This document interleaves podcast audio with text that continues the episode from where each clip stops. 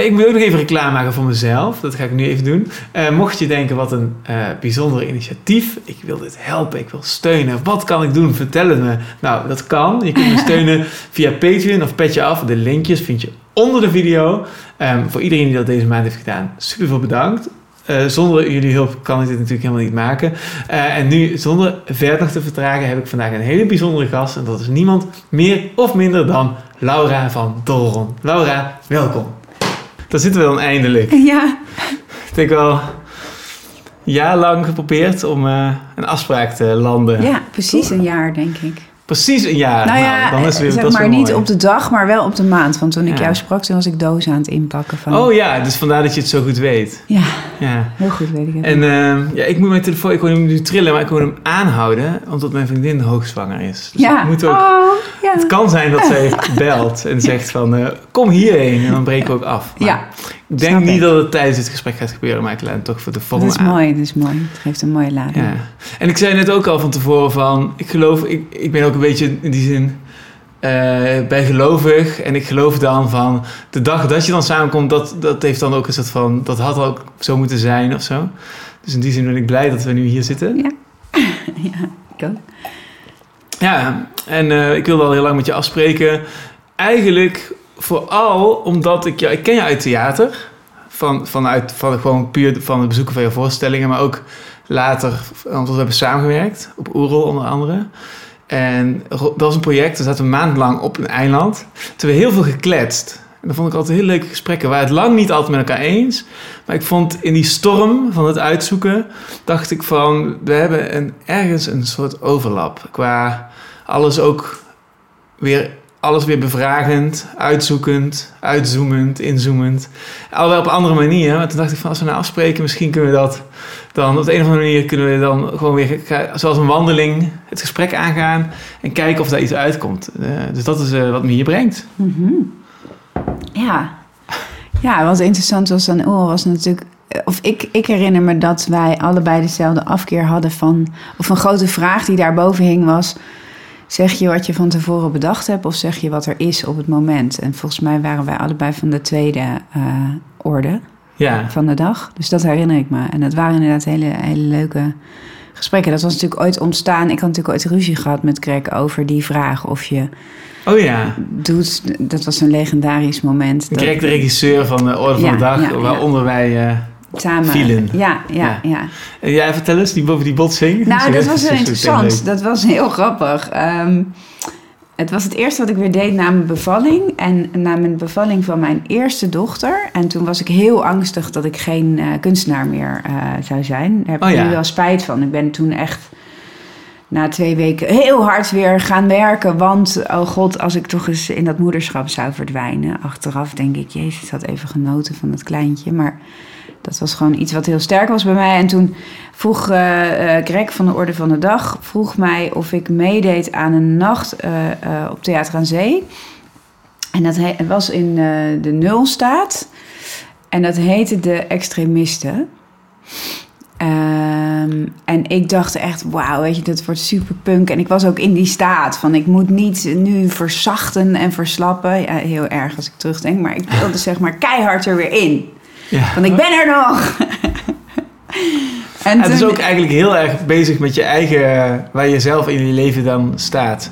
Nou, ik, her- ik herinner het me omdat het iets zegt over de manier waarop ik daar aankwam. Want Kim Eldering, een hele goede, de beste productieleider van Nederland, die kwam mij ophalen van het station. Maar ik had door Nulstaat en extremisten had ik een soort punk-idee. En zij is, ik noemde haar ook later tandartsassistente in mijn tekst. wa- Waarvoor excuses, want dat doet haar absoluut geen recht. Maar zij kwam zo heel fris, heel bruin, met hele witte tanden, met soort roze jurkje, heel vrolijk aan. Terwijl ik eerder een soort iets schurends verwachtte en daar ook naar verlangde. En toen zei zij in de auto, terwijl we erheen reden... nou, jij hebt zeven minuten voor je act... En eh, eh, die is als derde of zo. Dus het was al helemaal een format bedacht. Terwijl het heette de extremisten en het was in de nul staat. Dus ik dacht van ja, maar we gaan nu toch helemaal los. We gaan toch iets heel bijzonders op de dag zelf met elkaar maken. En toen kwam ik daar aan en toen was iedereen in een hoekje iets aan het maken.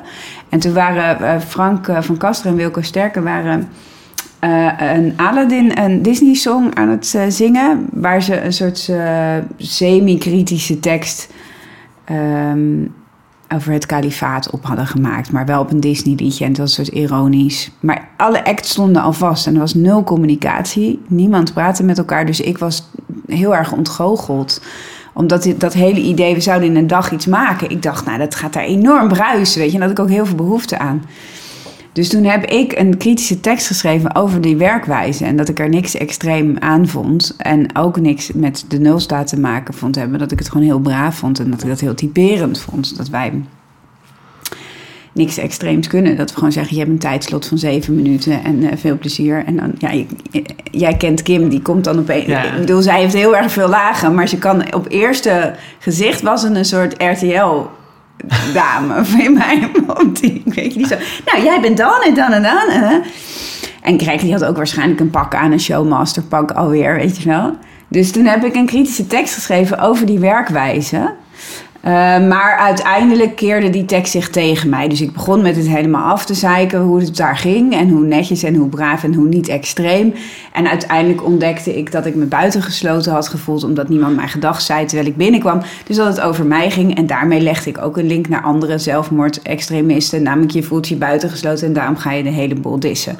Dus uiteindelijk kwam het bij mij terecht, die kritiek ik had aan Greg gevraagd of hij het wilde uitprinten, maar die had alleen de eerste helft gelezen. En toen zei hij tegen mij dat ik het niet mocht doen, omdat het de, de avond. Uh... Ondermijnde. Ja. ja. Maar ik zei, ja, maar je hebt de tweede helft niet gelezen. Maar hij was helemaal, nee, nee, ik wil dit niet, dat je dit voorleest. Nou ja, daar was iedereen tegen natuurlijk. Dus mocht ik het wel lezen. Maar dan ging hij in de aanloop de hele tijd al die tekst ondervangen. Van er komt straks iets, maar daar ben ik het niet mee eens. En het klopt, weet je zo. En uh, nou, toen had ik die tekst voorgelezen, waarin ik best wel kritisch was over het, het concept. En dat ik ja, echt iets anders verwachtte van met z'n allen in een dag iets maken en je verhouden tot extremisme. Ik dacht, ja, dan moet je zelf ook zoeken naar een extreem. Of je moet er heel erg voor kiezen van wij gaan juist niet extreem, maar daar was helemaal geen stelling over. Ja. Toen had ik die tekst voorgelezen. En toen uh, wilde Frank, uh, Frank en Wilco, uh, die ik toen nog helemaal niet kende, die zouden daarna dat Disney-lied inzetten. Maar die wilde niet meer, want die zei: Ja, na deze tekst kunnen we dat niet meer doen. Ja. Want ze heeft gelijk, weet je, dit is gewoon niet. Het is een act. Ja, het is nep en we moeten echt op zoek naar de extreme in onszelf. Ja. En, en um, zo integer als zij dat kunnen, je kent ze namelijk. Heel mooi deden ze dat. Dus die gingen het lied improviseren over een vis en zo. Wat ook niet heel extreem was, maar het was wel extreem om in ieder geval te zeggen tot hier de voorstelling en niet verder. En toen werd Greg dus heel boos, maar echt boos. En toen ging hij, je speelt dat nummer tegen hen schreeuwen, wat prachtig was. Dus hij ging als een soort circusdirecteur de artiesten dwingen om toch die Disney-song te, te produceren, wat natuurlijk koor op mijn mode was. Dus toen kregen we een soort discussie live, waarin ik zei, ja, maar je moet zeggen wat er nu is. Dit is zoveel interessanter dan het Disney-lied. Weet je, wat er nu gebeurt, dat is belangrijk. En hij bleef maar zeggen: nee, we moeten doen wat we hebben bedacht. Er liep ook iemand weg, want die uh, Marcel, een van de. Nee, niet Marcel, maar. Uh, Je bent denk ik. Nee, nee, die acteur. Uh, Mark. ja, ja, die liep weg. Uh, en het publiek ging ze ook inmengen.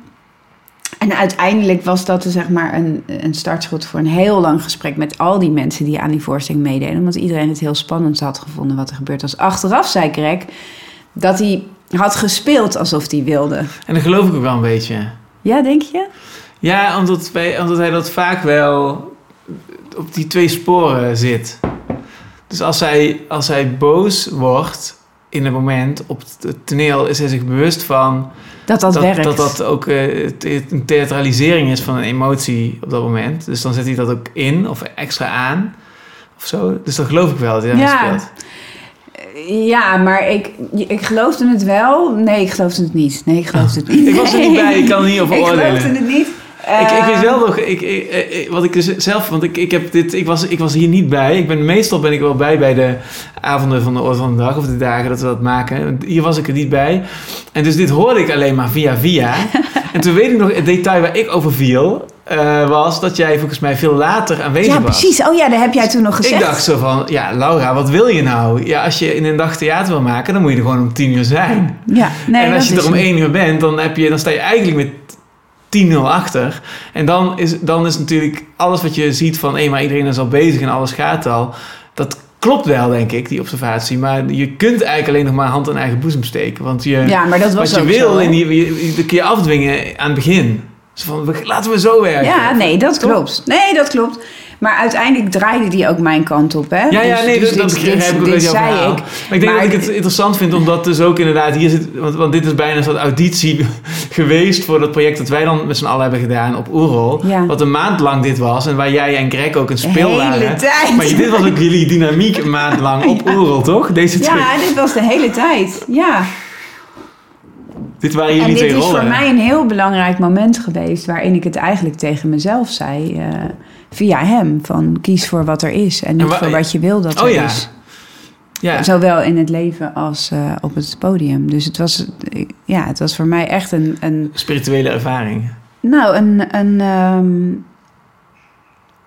eh, een intentieverklaring naar mezelf als kunstenaar eigenlijk. Dus Oh ja. omdat ik hem zo streng aanpakte. En kun je daar dan iets meer over vertellen? Wat, wat, wat is de... Of kun je dat iets meer uitbouwen, uitwerken? Wat je daarmee bedoelt? Nou, dat pas ik zelf toe door steeds minder te bedenken wat ik wil dat er is. Waardoor er steeds meer ruimte komt voor, voor, ja, voor wat er ontstaat op het moment. Die ruimte om dat te laten ontstaan maak ik eigenlijk steeds groter. Ehm, en daar begin ik steeds meer vertrouwen in te krijgen. Dat als je dat laat ontstaan wat er is, dat dat zoveel toffer is. Wij hadden laatst dus... eh, Afgelopen donderdag had ik de slaapstaking ehm, voor Gaza. was een concept dat ik had bedacht om een nacht te waken met elkaar in het theater. Vanuit het concept, we slapen toch niet, laten we dan samen wakker eh, zijn.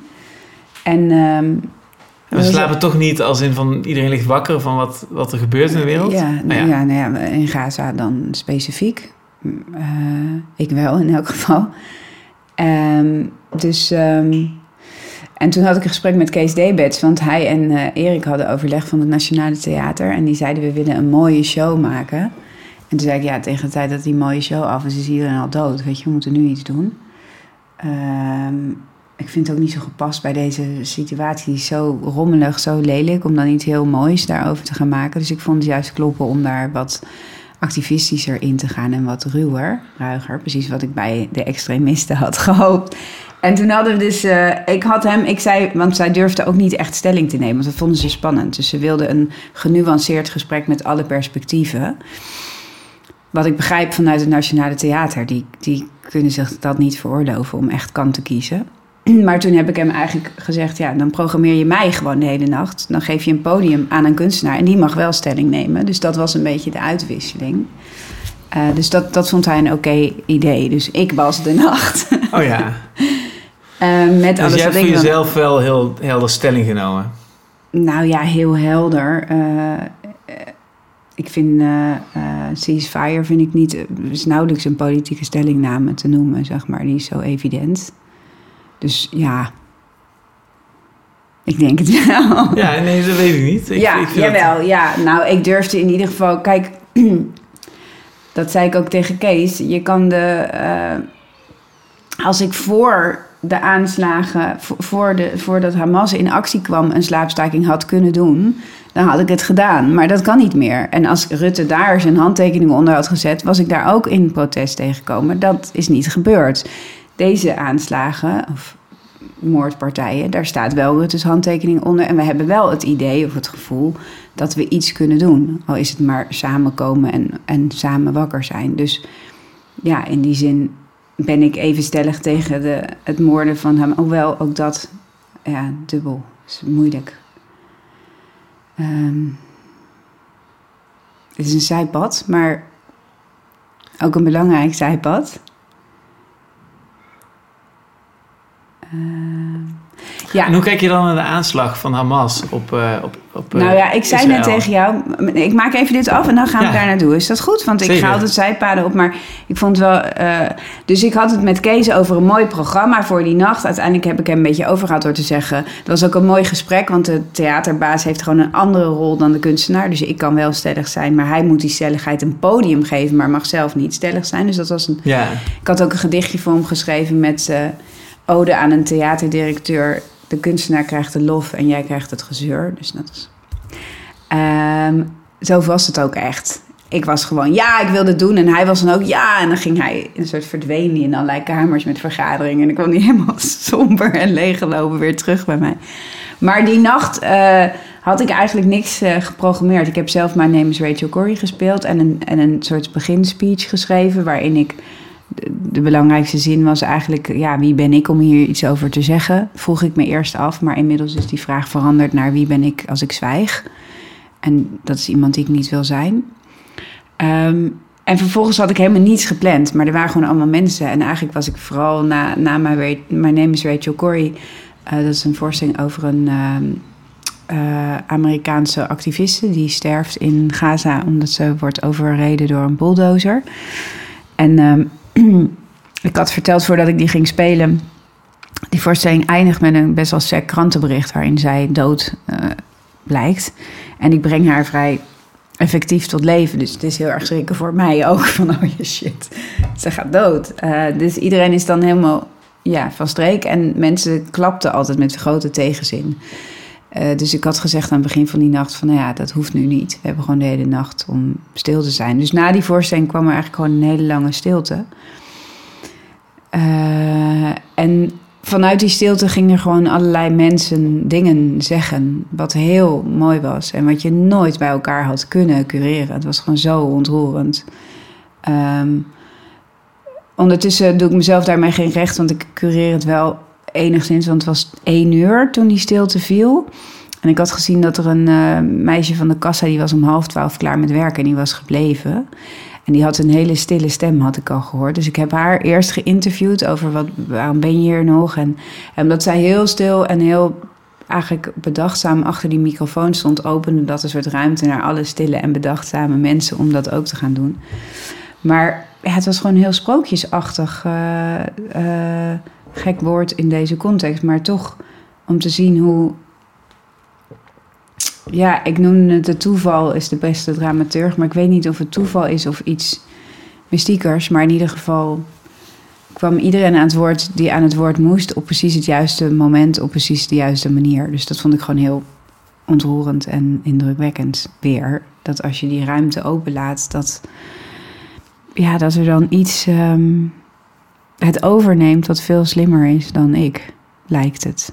Iets wat als ik er goed naar luister, kan ik er ook goed mee samenwerken. En dat heeft met een soort van overgave en lef te maken om, om die stilte te laten vallen, die, die ongemakkelijk is. En dan toch iemand. Aan het eind van de nacht vroegen mensen: mag ik, mag ik, mag ik? Dus toen was het zo fijn en gangbaar geworden om die microfoon uh, te pakken. Dat, dat iedereen wilde. En er kwam er om vijf uur nog een een uh, schoolmeester, een Turkse schoolmeester, die eerst een hele, heel lang ding vertelde over dat hij niet wist wat hij zijn leerlingen moest vertellen. En toen tegen ons ging zeggen: Jullie moeten allemaal hobby's zoeken, want jullie gaan kapot aan jullie zorgen over Gaza. Dat is niet goed voor jullie. En er was een Palestijnse maker die ook heel leuk was. Die was eigenlijk de vrolijkste van iedereen. En dat genereerde een heel gesprek over dat het zo interessant is dat als je er heel dicht op zit, dat, dat hij zat er zo dicht op. Hij zei ook, ja, als ik uh, hierover begin te huilen, dan stop ik niet meer. Dus huil namens mij, alsjeblieft. Dus dat was ook een heel mooie laag. Ik noem dit als voorbeeld van dat ik met Kees achteraf zei van dit hadden we echt niet kunnen verzinnen. Dit was gewoon... En dat heb ik steeds vaker als ik het durf toelaten, dat toeval of het lot of iets anders wat het overneemt als je de controle laat gaan. Dan gebeurt er gewoon iets wat veel uh, bijzonderder is dan wat ik bedenk. Mits je dat dus wel, ja, je moet het dus grappig genoeg ook toch faciliteren. Uh, en dat is, maar dat is veel subtieler dan uh, ik die iets verzin van tevoren. Ik moet dan naar mijn opa denken, die was uh, dominee die in een tijd dat uh, mensen allemaal tafels lieten dansen en zo. Zoals Poltergeist in de mode in de 70s ging iedereen dat allemaal doen. Allemaal occulte dingen. En uh, die ging dan mensen helpen die waren bevangen door een geest. En dan zei hij altijd van tevoren, heeft hij mij ooit verteld, God maakt me helemaal leeg. Dus dan, en daar moet ik soms aan denken. Dat, dat is eigenlijk waar ik steeds beter in word. In me leegmaken en dan het moment laten zijn wat het wil zijn. Net even in de voorbereidingen zei je al iets over dat je, de, je, je, je, beschouw, je beschouwde je eigen liefdesleven of je liefdessituatie als een Israël-Palestina conflict. nou, ik moest er gewoon aan denken, want we hadden het even over. me. Ik ben dus twee jaar geleden eh, eh, zijn we uit elkaar gegaan. En dat is vrij traumatisch voor mij geweest. En het is nu lang genoeg geleden om er steeds meer nuance eh, bij te voelen. En niet meer alleen maar te zeggen: hij heeft me verlaten voor de oppas. Dat was toen het. De zin waarmee ik mezelf tot slachtoffer maakte. Ja. Maar daar zit natuurlijk een hele aanloop eh, aan vooraf. eh, van, eh, maar dat was even en daarna heeft is dat ook weer voorbij. En hij is nu met een hele leuke vrouw enzovoort. Dus het is allemaal veel gelaagder dan dat het toen voelde. Het was echt afschuwelijk. Maar het was ook zo afschuwelijk omdat ik eigenlijk ook mijn eigen verantwoordelijkheid erin ook de pijn daarvan voelde. Maar dat kon ik toen niet zien omdat ik zo van streek was. Dat ga ik nu pas een beetje zien. Van ja, je Ja. had er ook zoveel pijn van. Omdat je ook wist dat je gewoon twintig kansen had gemist... om te zorgen dat dit niet zou gebeuren. Dus ik moest aan Israël denken dat... ik me zo goed kan voorstellen dat die aanslagen van Hamas zoveel indruk maken... dat je geen ruimte hebt om de aanloop er naartoe... eh, om daar naar te kijken om, en, en, naar je eigen aandeel erin te kijken. Dat het gewoon zo schok is dat die ruimte weg is. En die ruimte is natuurlijk nodig om verder te kunnen met elkaar. En daar moest ik gewoon aan denken. Nu bij mij komt pas een beetje zo het besef. Ik dacht er laatst over na. Ik, had, ik heb heel erg verlatingsangst. Dat wist ik niet toen ik met hem was. Daar ben ik later pas achter gekomen. En eh, ik had gewoon zo'n verlatingsangst met hem... dat ik eigenlijk nooit durfde te vragen hoe gaat het met je. Omdat ik bang was dat hij dan zeggen, ik ga weg... Dus ik heb hem, en uiteindelijk is hij bij me weggegaan omdat ik nooit vroeg: hoe gaat het met je? Dus dat is een heel tragisch, ehm, tragisch gegeven waar, waar, eh, ja, waar ik aan moest denken toen ik dacht: eh, want dat is dus wel, ik denk wel dat er een aanloop is naar die aanslagen van Hamas die eh, niet veronachtzaamd mag worden in het hele gesprek hierover. Zonder dat het daarmee. Eh, uh, vergoeilijkt wordt. Maar het is wel een. Ik bedoel, dit is een situatie waar heel veel mensen, en waaronder ik, zich al heel lang heel veel zorgen over maakten. Dus het is niet, oh Gaza, wat is daar aan? Nee, dit is al heel lang structureel worden die oorlogsrechten geschonden. Dus ja, daar komt iets uit voort wat afgrijzelijk is, waardoor de Israëli's ook gelegitimeerd dusdanig onder de indruk en getraumatiseerd zijn door hun eigen pijn dat zij niet dat grote verhaal meer kunnen zien. En geldt dat niet voor beide partijen? Dat de Palestijnen Net als, de net, als, aanleiding... net als in een relatie, dat je dus allebei... Dus je zegt eerst, eerst denk ik in dader-slachtoffer eh, over mijn relatie. En dan later zie ik dat, dat het voor allebei de perspectieven, dat het meerdere kanten heeft. Maar dat geldt toch in het Israël-Palestina conflict ook bij uitstek zo dat, dat, Ja? het, dat het echt zo complex is. Ja, dat woord complex vind ik een lastig woord. Want er is wel gewoon een bezetting al heel lang van mensen die eh, met, ik bedoel, als je alleen al kijkt naar de dodengetallen, daar zit al zo'n grote ongelijkwaardigheid in dat het eh, vergelijken met een liefdesrelatie vind ik. eh, Nee, jij vergelijkt met een liefdesrelatie, toch? Nou, de, de reactie. Maar ik vind zeg maar nu zeggen van ja, maar ze hebben alle maar twee kijven hebben twee schuld. Vind ik ingewikkeld, omdat dus de, de slagkracht die ze allebei hebben zo ongelijkwaardig is.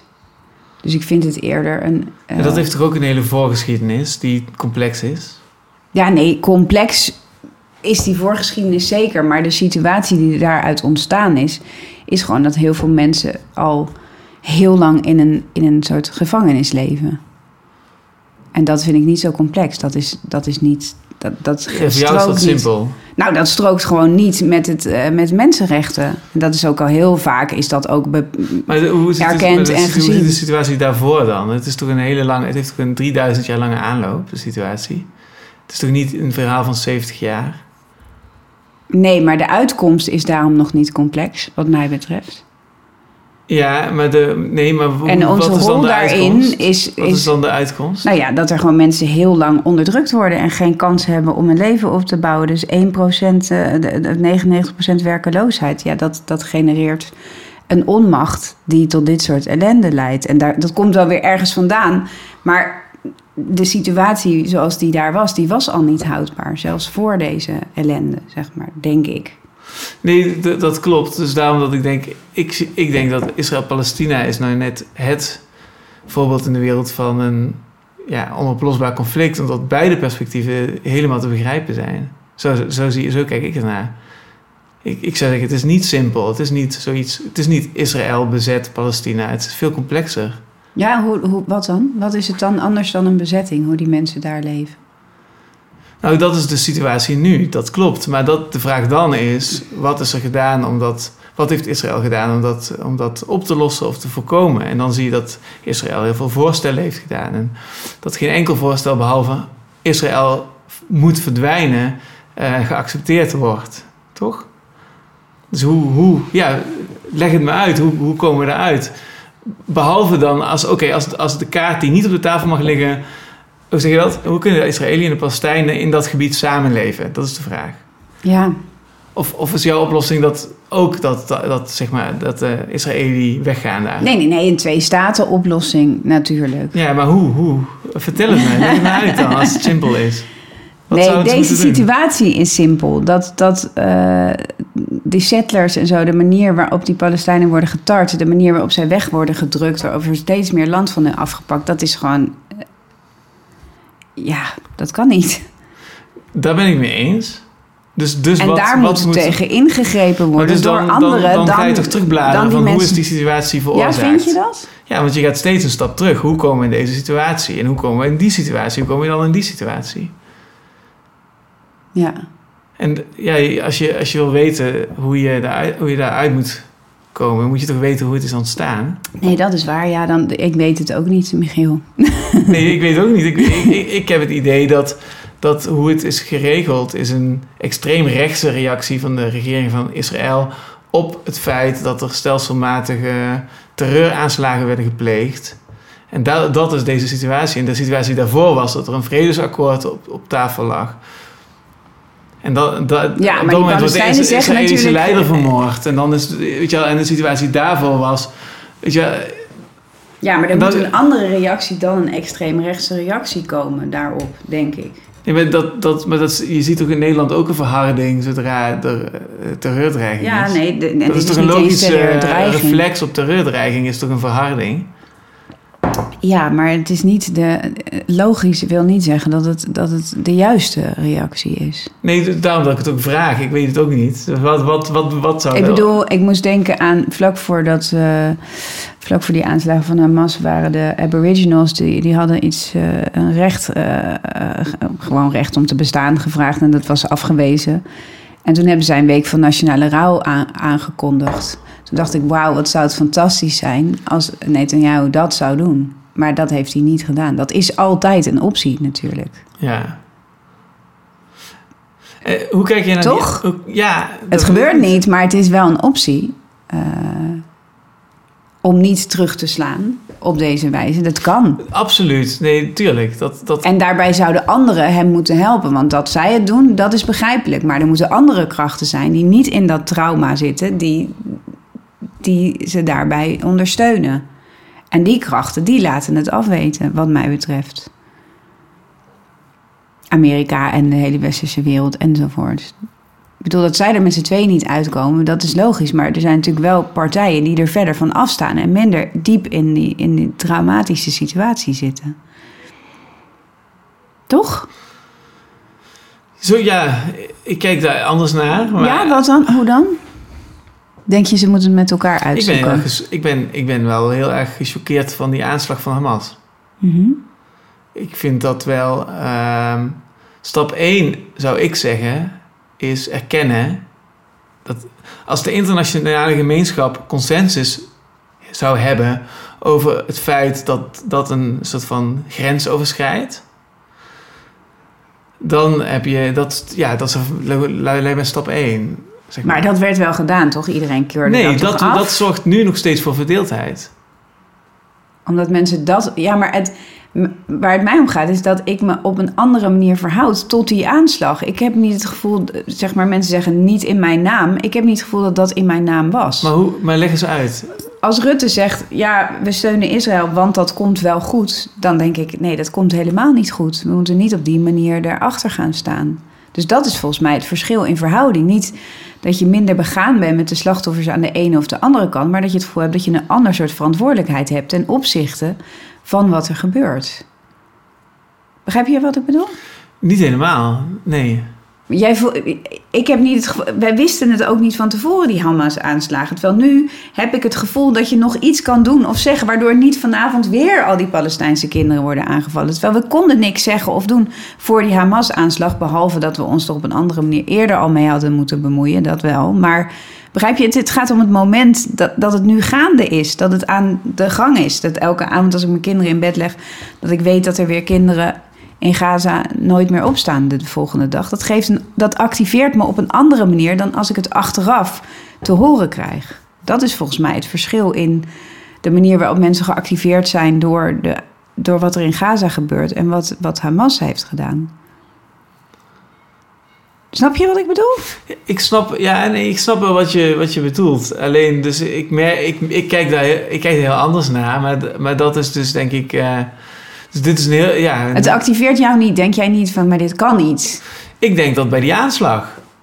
Ja, maar dat is al gebeurd. Dit is aan het gebeuren. Dat is toch een verschil? Ja, maar dus als er zo'n als er zo'n aanslag wordt gepleegd, dan krijg je dus deze reactie. Ja, maar dan kun je daar nog, als die, hij, hij is logisch, maar is die, is die goed? Dan kan je er nog steeds iets van vinden. Die reactie, oké, dus ik zie, uh, dus, dus je moet volgens mij een aantal dingen op het, eventjes eh, op tafel leggen. Nu zijn er iets van 250 of zo mensen gegijzeld. Uh, na een uh, barbaarse aanslag. Ja, die, die ik toch categoriseer als, als een van de meest barbaarse dingen die ik ooit in mijn leven heb gehoord. Mm Een van de meest chockerende dingen. Zo chockerend dat ik zelfs moeite heb om in detail te treden. Dat ik gewoon. Dat, ja, ik vind het zo naar. Uh, wat ik dan hoor daarover, dat ik daar moeite mee heb. En dus dan is de vraag, wat nu? Wat moeten we doen met de situatie dat die aanslag is gepleegd als een signaal en dat die mensen honderden mensen zijn. gegijzeld zijn? Nou, de oefening zou zijn om in de wereldleiders en om in de, de leiders van uh, Palestina en, en, Hamas en Israël om, om zeg maar het schaakbord voor me te zien. Oké, wat, hoe, hoe, hoe gaan we dat doen? Ja. Ja, ik zou dat niet weten. Dit is blijkbaar de, de zet van Israël op het schaakbord. Ja, maar en wat vind, daar vind je niks van? Ik denk... Behalve ik dat je het van. begrijpt. Dat is wat anders dan dat je de... Ik vond er wel wat van. Ik vind dat een... Uh, ik vind dat... Uh, ik, moet heel, ik, ik moest heel erg sterk denken aan zo die eindscènes van Game of Thrones. Dat die sympathieke vrouw met die draak... waar iedereen acht seizoenen in meeleeft... in het laatste seizoen in één keer met die draak zo overvliegt... en heel die stad plat brandt. Dat je denkt van... Wow, we waren met haar aan het meeleven. En nu... Niet, we leven niet mee met een, iemand die op een draak zit... en iedereen verbrandt, zeg maar. Dat is... Dus er is een switch natuurlijk.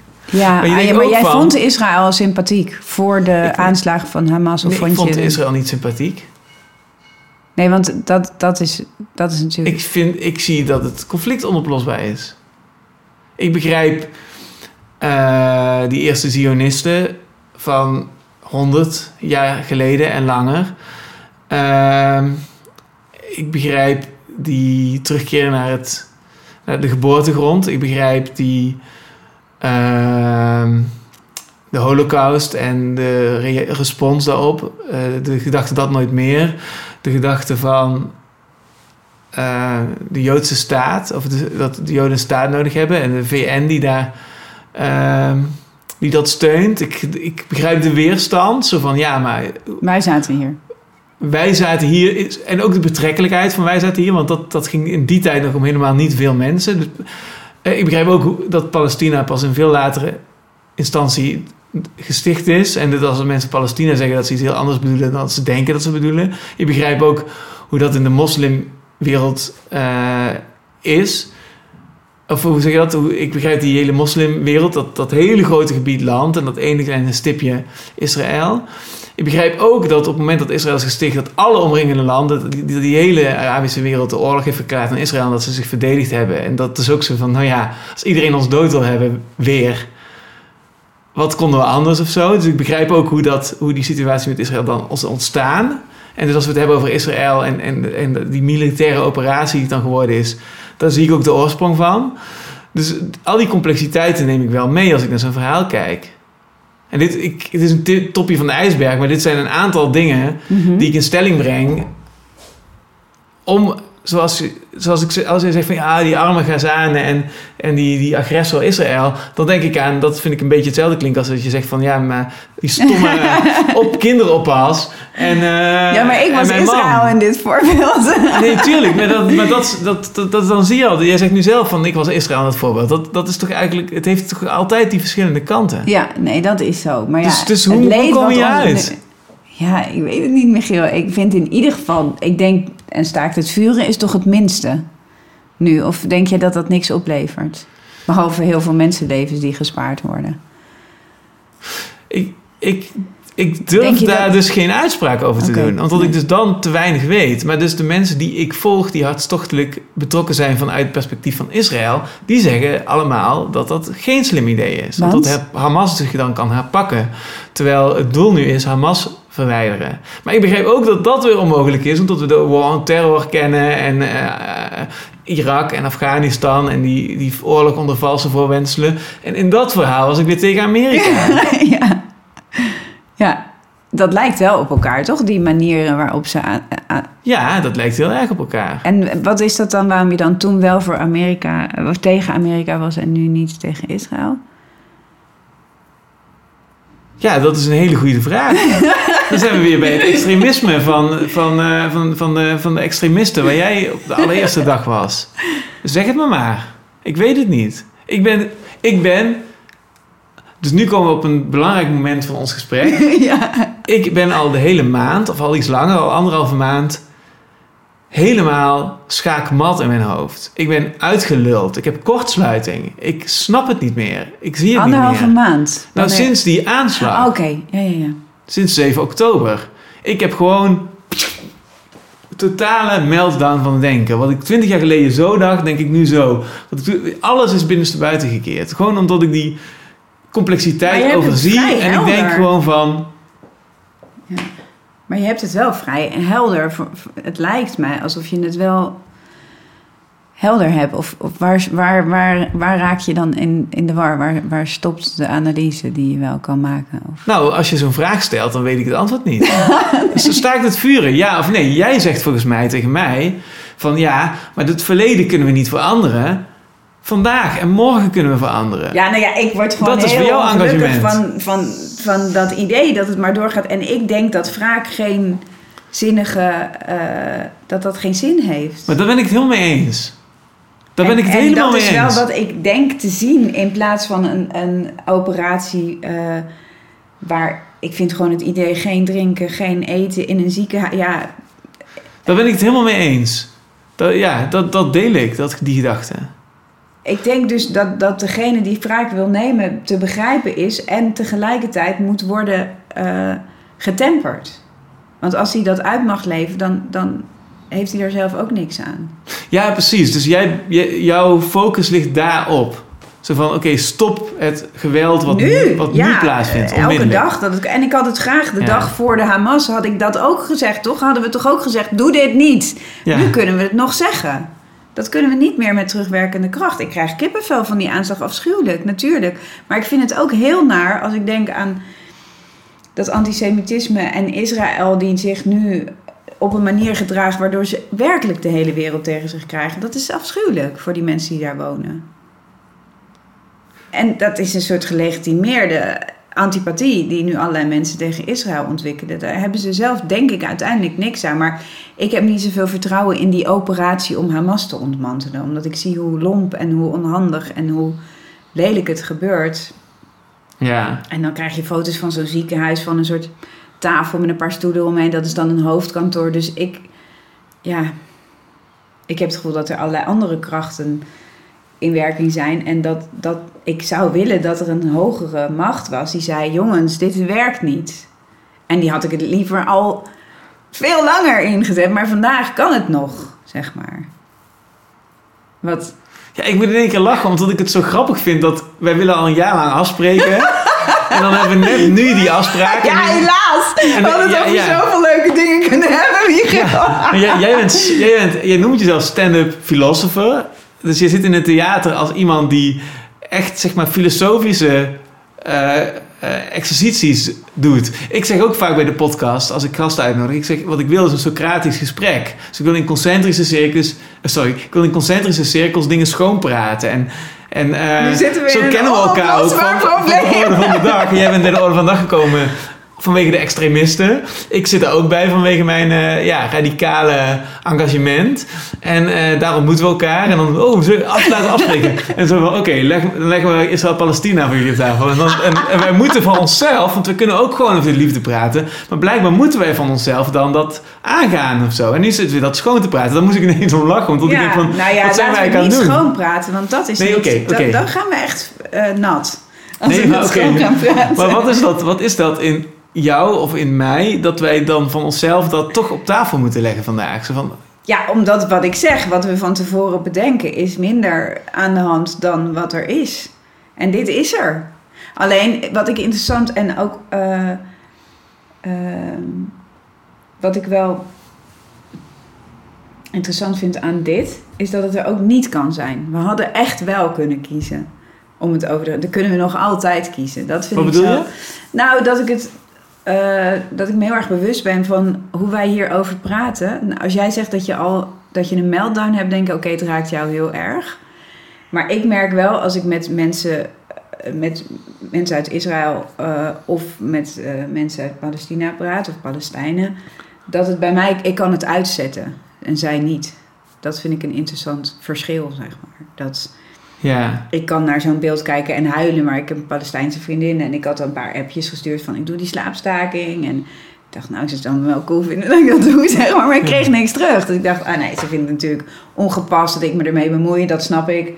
Maar toen sprak ik er laatst en toen zei ze van, ja nee, ik, ik kan hier gewoon niet in. Ik kan hier gewoon niet in. Ik kan hier niet over praten, ik kan hier niet over denken. Ik ben heel blij dat jij het wel kan, maar ik kan het niet. Als ik hierover ga huilen, dan stop ik niet meer.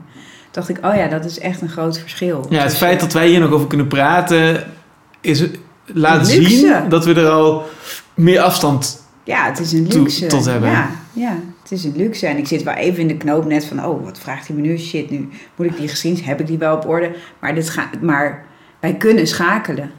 En, en Ja, ja, ja dat vind inderdaad. ik gek genoeg ook juist wel een reden omdat wij wendbaar zijn en er op een andere manier nog over kunnen praten zonder helemaal elkaar naar het leven te gaan staan of te gaan huilen zonder te stoppen, vind ik ook juist wel een appel doen aan het toch proberen. Want ik denk dus dat dat soort krachten om die getraumatiseerde mensen die in die moeten krachten zijn, zoals jij en ik, die er nog wel, die het nog wel kunnen relativeren en ook nog even kunnen ontspannen en ook nog ergens anders aan kunnen denken. Ik, ik zou willen dat er een soort, ja, dat las ik ooit in um, Hoe genees je een eh, fanaticus van Amos Os, ken je dat boek? Oh ja, ik heb het niet gelezen, maar ik ken het wel. Ja, ik vond zijn analyse van de situatie heel mooi. Eh, hij had het over, eh, je moet je voorstellen, er loopt iemand onder een raam en er wordt iemand anders uit een raam gegooid. Dus die komt op die persoon die onder het raam loopt. Van, en de Palestijnen zijn dan de, de onderste. Dus die hebben het wel iets zwaarder. Dat erkent hij ook in de metafoor. Degene die uit het raam is ook kloten, maar je valt zelf iets zachter. Eh, maar ze zijn allebei gewond en beschadigd. En hij zegt ook dat het eigenlijk ongepast is om, om stelling in te nemen. eh, maar dat je ze moet Ja. omringen met zorg, liefde, het gesprek mogelijk maken. Een soort Ja. spaceholder, om een moderne term te noemen, wat ik een mooie term vind, Eh, moet zijn om, om ja, eh, omdat wij niet zo gehavend en beschadigd zijn, moeten wij eromheen gaan staan en, en het en iets anders, een andere energie erin brengen. Ja. Nou ja, ik, eh, ik heb, eh, wat mijn neiging is om in, in zo'n geval dat ik kortsluiting krijg om heel veel te gaan lezen en te researchen, omdat ik anders gek word. En een van de boeken die me het meest heeft geraakt de afgelopen maand was, ik, ik was eigenlijk opnieuw eh, het boek van Wessel de Gussinklo gaan lezen. Die heeft dat conflict van Palestijn, een schrijver die ik heel erg hoog zitten, die ik heel erg bewonder. Ik heb hem ook geïnterviewd vorig jaar, hij is net overleden. En hij heeft eh, dat Israël-Palestina conflict helemaal uitgeplozen. Echt, echt, maar hij heel erg vanuit het perspectief van Israël. Vanuit van, van er moet iets worden gezegd eh, wat van binnenuit, zodat je dat perspectief begrijpt. En hij heeft in, in, in, in zijn inleiding hij heeft een anekdote van, ehm, van zichzelf. Dat hij ehm, volgens mij in een straat met kroegen loopt en op een gegeven moment wordt aangevallen door een gevaarlijk iemand die echt wel, zeg maar, heel lelijk kan uithalen, omdat hij onvoorspelbaar, onberekenbaar iemand is. En hij zegt dat hij, omdat hij op judo heeft gezeten, krijgt hij meteen overmeesterd. Dus hij rolt hem op de grond en hij gaat bovenop hem zitten. Maar hij ziet ook wel meteen dat die gast veel sterker of eigenlijk dat het eigenlijk zeg maar toeval is geweest voor een deel. Want ik heb wel heel veel geluk gehad. Dus en dit als metafoor voor zeg maar hoe je ook die eerste verdedigingsreflex van Israël kan in die als zij net die staat hebben en van alle kanten worden aangevallen en eigenlijk against all odds meteen heel succesvol terugslaan. En hij zegt van ja, vervolgens ligt die, ligt die man op de grond op zijn rug. Maar ik, wat, wat nu? Wat moet ik nu doen? Ja, die moet je voor altijd nou, blijven zitten. Ik kan, ik, maar hij had letterlijk die situatie. Hij kon hem niet loslaten.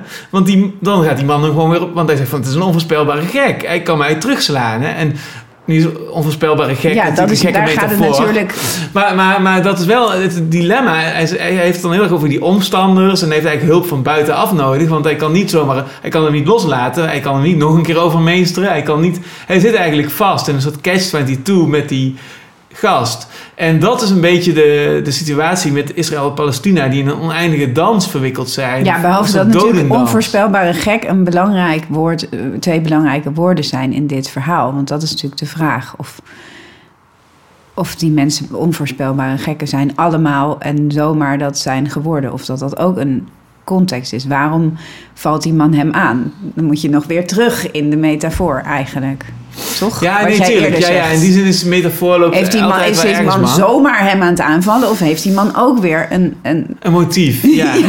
waarschijnlijk. Ja. In dit geval hebben ze allebei een motief precies. natuurlijk. Dus dan, dan ga je weer helemaal terug naar de zevende eeuw. Eh, en dat doe jij ook? Als de islam gesticht wordt. En dan ga je weer helemaal terug naar de... Weet ik veel in welke eeuw uh, de joden... Uh, het Joodse volk uit de woestijn, in de woestijn is ingedreven. En ja, daar moet je allemaal naar terug. Ik vraag me ook af, is het bij jou ook een... een uh, want het heeft ze ook wel een... Ik kan me ook voorstellen dat jij ook wat wantrouwen voelt ten opzichte van het... Uh, van de, het soort mensen wat zich nu voor een staakt het vuren uitspreekt. Helemaal niet, nee. Nee? Dat is het niet. Dat je denkt, oh ja, dat gaan we nu allemaal doen, maar dat vind ik gemakkelijk. Ik, dat jij toch ook een natuurlijke neiging heb om daar dan vragen bij te stellen. Eerder dan. Ik, heb wel, ik ben wel heel erg. Uh, dus, dus dat, dat de hele grote uh, verzamelingen mensen samenkomen om uh, te scanderen. Um, to the river, from the river to the sea, Palestine will be free. Dat, dat, dat is heel veel um, Joodse mensen daar ook weer van schrikken, omdat zij daar een genocidaire leus in lezen. En dat daar dus mensen een soort van of bewust ignorant of blind voor zijn. Daar, dat, dat is eigenlijk wat me het meeste opvalt nu. Ja. Daar, ben ik het meest... Daar zit mijn meeste ja, kritische voorzichtigheid. Of dat, dat ik, maar een genocide leus is nog wel iets anders dan een beginnende genocide. Of vind je dat even zwaar wegen? Dat is gewoon de afweging. Nou, genocide, ik zou, ik zou dan dus naar de definitie van de genocide kijken. En ik, ik heb wel het gevoel dat je, het kan, dat je kan zeggen dat wat er gebeurt. Uh, ja, dus definities doen er wel heel erg toe. Dus het, mhm. wordt wel geprobeerd om dit een genocide te noemen. Ik zou dit geen genocide noemen, omdat de genocide voor mij niet om het aantal gaat, maar om de intentie. Voor mij is de intentie cruciaal, echt de crux.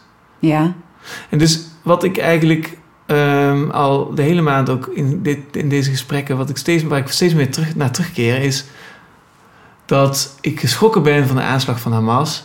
Ik ben geschrokken van de aard van de horror en niet de schaal van de horror. En de aard van de horror, daarmee bedoel ik dus het type horror. De, heb jij het over die verbrande baby's en zo? Bijvoorbeeld. Maar, ook maar dat bleek toch helemaal niet waar te Ik heb het niet over verbrande baby's. Uh, dat is overigens wel... Dat is, dat is, natuurlijk wel... Dat zijn wel uh, bewijzen van... Er zijn bewijzen van. Dat is allemaal... Ja, dat, dat, is, allemaal, dat is allemaal nu wel uh, aangetoond. Dus het gaat me om dat er zit iets maniacaals in de, in de categorie horror. Dus laten we alleen even het voorbeeld noemen van... dat je dan van een vierjarige de vinger afhakt. Waar de ouders bij zijn, zeg maar dat ik snap natuurlijk dat je in het leven heel, heel erg boos kan worden en heel, heel erg gekwetst en geraakt kan worden. Maar toch vind ik op het moment dat je die grens overgaat van dat je iemand moedwillige vinger afhakt, dan ga je een grens over. Mhm. En dan dat dan. Dus ik moet dan dus dit denken. En ik ben heel benieuwd naar jouw reactie. Ik moet dus denken aan. Als je naar de klassieke oudheid gaat kijken. Naar die toneelstukken van toen. Of de verhalen van toen. Homerus die dan eh, over de Trojaanse oorlog of zo vertelt. Dat is dus ook dat er dan. Dat Helena wordt ontvoerd of zo. En dan zijn er misschien ook 10.000 doden. Dus soms is er één ontvoering van een willekeurige iemand. En die heet dan Helena. En dat, maar als de, als de intentie van degene die dat doet het ontketenen van die, van, die, van die onheil is, dan is de vraag, ja, wat, wat is er aan de hand? En dat is een hele ingewikkelde vraag. Dus het, het afhakken van één vinger kan een, de dood van 10.000 andere kinderen ontketenen. Dat is hoe... Ja, wel, het kan het Dat is ontketenen. Zeker, effect. maar ja, het kan het ontketenen. Maar mensen Ja, gewoon maar ik kan dan nog structureel steeds- water... Ik bedoel, er gebeurt toch meer dan alleen maar Hamas zoeken... als je gewoon water, stroom en voedsel gewoon ontzegt aan... Nee, maar daar ben ik mee eens. Dat vind ik barbaars. Dat vind ik ook barbaars. Ja, alleen er wordt ges... En dat heeft een soort pretentie van een eh, eh, just war. Dat vind ik er moeilijk aan. Ja, oké, maar dat begrijp ik ook. Dat Dus- Hamas, dat speelt zich in een heel raar hoekje af... wat zich al direct als barbaars manifesteert. Terwijl dat... maar dat wordt wel goed gepraat. Dat wordt wel gedownplayed. Nou, dat zie ik overal gebeuren. Ja? Ja. Ja, maar dat komt omdat zij zo snel en zo agressief in die wraak schoten. dat het aan het zicht ontrokken werd, ook door hen zelf. Ben ik ook mee oneens. Ik heb het echt van, van minuut tot minuut en van uur tot uur gevolgd. En wat mij dus het meest choqueerde aan het begin van die eerste twee dagen... is dat bij Charlie Hebdo en bij ehm, de Bataclan en bij eh 9-11 en bij Madrid... en al die grote terroristische aanslagen in Europa en Amerika... dat er onmiddellijk het ritueel is van... I stand with Israel. Precies. Ja, ik, Meteen. Echt nog binnen de minuut. Echt. En ik doe er nooit aan mee, hè. Dat is helemaal niet mijn ding. Ik, ik heb dat altijd vervelend gevonden. waarom? Maar omdat ik, dat is een soort... Ja... Virtue signaling heet dat geloof ik toch? Of dat je eigenlijk Ja, ja, maar- symboolpolitiek... ja. Is een beetje do they know it's Christmas time. Maar dan anno nu, weet je wel? ja. Denk ik gewoon van ja, oké. Kijk mij, weet je wel, Bono, tonight it's... I'm, thank God it's maar them instead of me. Dat is het gewoon, vind ik altijd. Hè? Maar prima.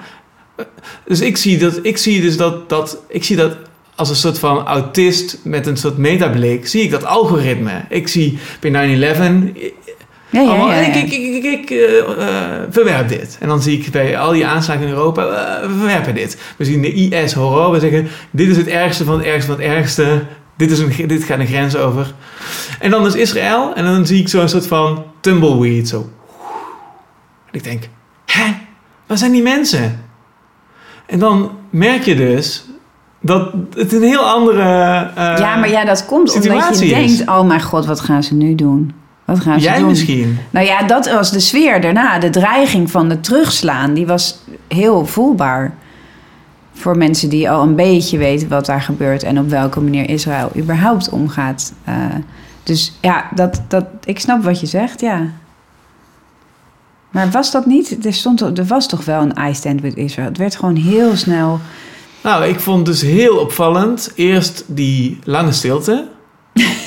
en toen de verdeeldheid daarover. Over die vraag. Dat was een, voor mij... Maar er was toch geen verdeeldheid over of wat Hamas had gedaan Ja, dat was wel. Er waren heel veel mensen die zeiden ja, kom maar, maar. Op allerlei variaties.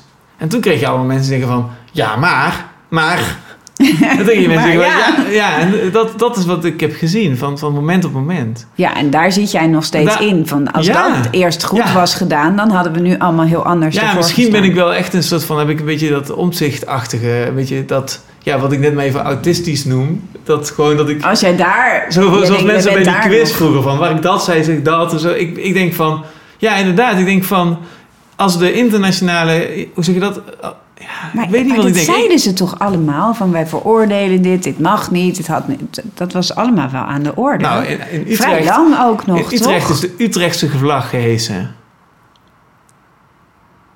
In Rotterdam is, de, is er ook geen... Is volgens mij ook... eh, nee, maar dat was later weer, hè? Nee, maar dat is... Nou, dat is Toen er allemaal dus alweer dingen dagen aan de er- orde waren... waardoor die vlag alweer direct discutabel was. Ja, nou, volgens mij niet hoor. Nou ja, goed, dan zitten we misschien te touw trekken. Maar, maar dus, nou, dat, als jouw vraag is van, ja, dit zijn dingen die me bezighouden, zeg maar. Ja, dat snap ik. Want je kunt namelijk ook bepleiten... Als, als er veel grotere warmte en solidariteit naar Israël was gegaan... dan waren ze misschien ook anders zich gaan gedragen. Het is ook vanuit dat gevoel van niemand... Nobody's got our back. Dat misschien die agressie zo uh, groot is. En dat ze zo alleen opereren. Dus je zou kunnen denken dat, dat het effect had gehad ook op de wraakacties. Ja, en onmiddellijk uh, uh, een, een, een record aantal Wat denk jij dat? oplevend antisemitisme. Ja, dat, ja, waar heb jij dat zelf gezien, behalve dat het in kranten staat? Nou, um, ik... Want het is ook een kwestie, dat is ook een kwestie van perspectief en interpretatie, toch? Ja. Van dingen. Want ik, sprak laatst een vrouw die durfde haar uh, jodenster kettingje niet meer te dragen. Dat snap ik, maar ja, zij liet die thuis vanuit het idee dat het niet zou kunnen. Ja, ja dus, dus... Dus dat vind ik nog geen antisemitisme. Dat is een heel begrijpelijk gebaar. Ja. Maar het is dat nog niet. Snap je wat ik bedoel? Ik begrijp wat je bedoelt, ja. Dus ik hoor het jou noemen van die oplaaiende, dat, is een, dat, is, dat hoor je veel. Maar waar heb jij dat zelf gezien? Of, of... Nou, ik volg gewoon verschillende uh, mensen die, dat, uh, die, dat, die daarover twitteren, die dat in kaart brengen, dus in die zin. Hm. En die dat weer checken bij hun bronnen. Dus ja, zo zie ik dat gewoon een beetje. Het is heel moeilijk om te zeggen in deze tijd van waar die informatiestorm gaat zo snel. Het is gewoon, je hebt de hele dag die telefoon en, en er Ja, ja, komt gewoon een stroboscoop op je af. Ja. Maar ja, ik ben alles aan het boekmaken. hè. En dan denk ik van, ik heb gewoon, ik probeer gewoon alles wat ik belangrijk vind te screenshotten. En dat Want jij vindt ook dat je hier iets van. Jij vindt dat je hier stelling in moet nemen. Nee, ik ben gewoon letterlijk in de war wat ik zeg. Ja, ik, ja, kijk, ik ja. overzie het gewoon niet meer. Nee, ik snap het hoor. Want iedereen, het gaat hier binnen vijf minuten overal daarover. Terwijl je het eigenlijk liever over andere dingen had gehad. Alleen die Palestijnse, waar ik dus laatst mee uit eten ging met mijn bestuur, die, die zei gelijk, we gaan het hier niet over hebben. En toen was iedereen heel opgelucht. Ja, maar ik begrijp nu denk ik beter wat jouw perspectief is. Jij, jij hebt eigenlijk volgens mij heel erg sterk het gevoel... Ja, ik zei het net ook al, ik zei het net scherper maar, eh, en nu trager. Maar ehm, jij hebt volgens mij heel erg sterk het gevoel van... Oké, gisteren kunnen we niet veranderen, we kunnen vandaag veranderen. Dus we moeten vandaag iets doen. Ja, en ik leg het accent dat? anders. Ja, ja, en ik voel me daar op een andere manier bij betrokken dan bij zo'n barbaarse daad, waar ik niet het gevoel heb dat ik daar eh, een uitspraak. Ik bedoel, ja, ik voel me hier op een andere manier bij betrokken, omdat het gaande is. Maar ik was ook al gevraagd door Anja Meulenbelt om naar Gaza te gaan. Om daar eh, te kijken hoe de mensen er daarbij zaten voordat dit aan de hand was. En, ik maar, en toen zei ze al, nou, neem vijf dagen. Als je terug bent, moet je vijf dagen vrij nemen. Want je bent getraumatiseerd als je daar drie dagen bent geweest. Dus ik, ik zit ook al meer in het perspectief van dat het daar al heel ellendig was. Ja, Dus als je al ergens wil gaan kijken waar het heel slecht gaat... en dan gaat het er nog veel slechter... Ja. dan word je op een andere manier ben je betrokken bij, ja bij de ramp. maar dat is, dat is dat perspectief wat je nu beschrijft. En ben je daar geweest trouwens toen? Nee, we konden niet, want de oorlog brak uit. Oh, dat is echt letterlijk net. En ik zou er echt zijn geweest. Wij zouden de dag nadat de oorlog uitbrak, zouden we er zijn geweest. Dus ik heb me ook een aantal dagen gevoeld alsof ik er was. En mijn familie was allemaal, oh mijn god, we, we hebben Stel zelfs nog besproken. ja. we hebben zelfs besproken, zullen we een paar dagen eerder gaan, want het komt beter uit met de herfstvakantie. Nou, dan was ik daar gewoon geweest. Dus, dus eh, veel mensen die veel vrienden in Gaza hebben, hebben zo'n soort dubbel gevoel van ik heb dat minder, maar er zijn gewoon heel veel mensen die ik ken die de hele tijd op hun telefoon zitten en hopen dat ze een groen balletje zien, maar inmiddels gewoon al hun vrienden in Gaza zijn gewoon dood, zeg maar. En die zijn de hele tijd ook daar voor hun gevoel. Dat heb ik een klein beetje gehad, omdat Ja. ik er, er was gewoon een ticket. We hebben nog gelachen, mijn geliefde en ik, want we zouden ga- samen gaan. Omdat Anje Meulenbelt zei, ja, als ik weer ga, niemand wil mij weer horen, weet je. Ik ben gewoon woedend, al heel lang over hetzelfde. Dus zij wilde dat wij er een soort frisse ja. frisse blik. En ik zou dan met mijn geliefde gaan. We hebben zelfs nog grapjes gemaakt van een soort van romcom-achtige insteek. Maar... ehm, en Wat toen hebben we nog twee dagen van tevoren kregen wij nog van ja, de papieren liggen nog bij Hamas, want ze willen weten of Mark de HAVO heeft afgemaakt. Wat wij heel grappig vonden.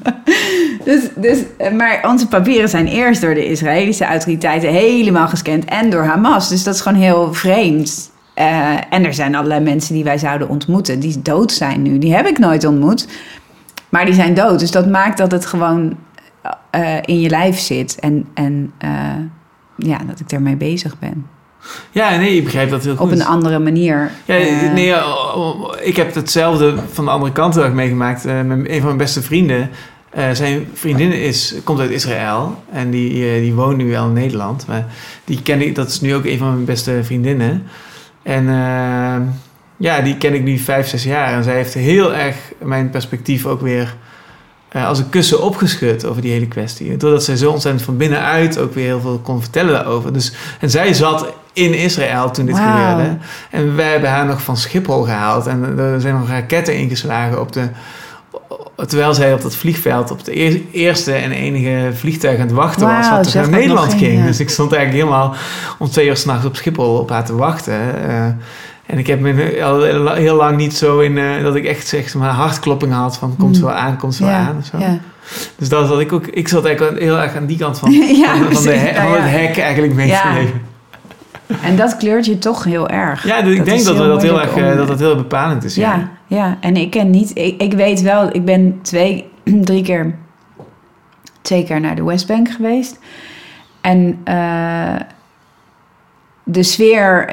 We waren dan ook in Tel Aviv. En ik vond dat gewoon helemaal geen fijne plek. Ik vond die mensen daar niet aardig. Heel agressief, eh, onvriendelijk, koud. En de mensen in de Westbank, de eh, Palestijnen, vond ik heel aardig. Ja, dat kleurt ook mijn blik, Ja. zeg maar. En waar- kun je daar iets over vertellen? Waar lag, waar lag dat aan, denk je? Ja, dat was gewoon een sfeer. Ik, ik denk dat het al te maken had met een bepaalde.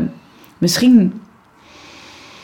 Ja, we hadden het daar laatst over, over bij die staking nog. Want iedereen zegt dus: Palestijnen zijn hele aardige mensen. Wat een soort van rare uitspraak is.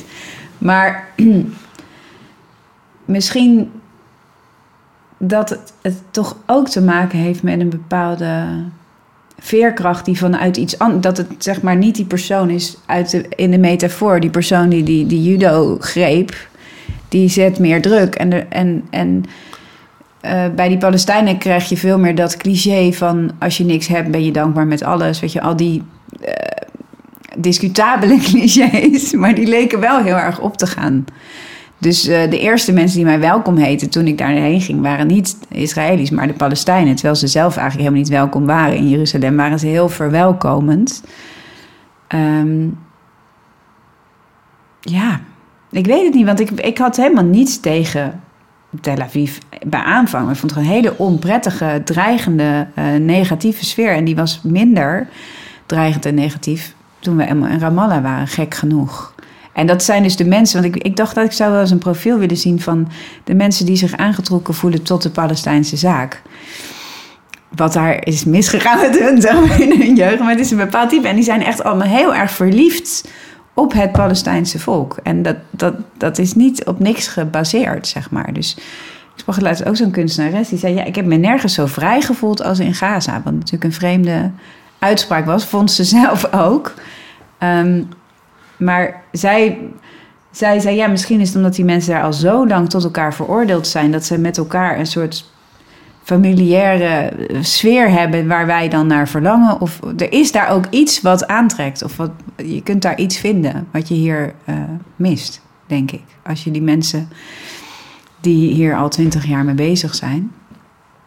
die lijken daar ook iets te halen wat ze hier ontberen of zo, denk ik.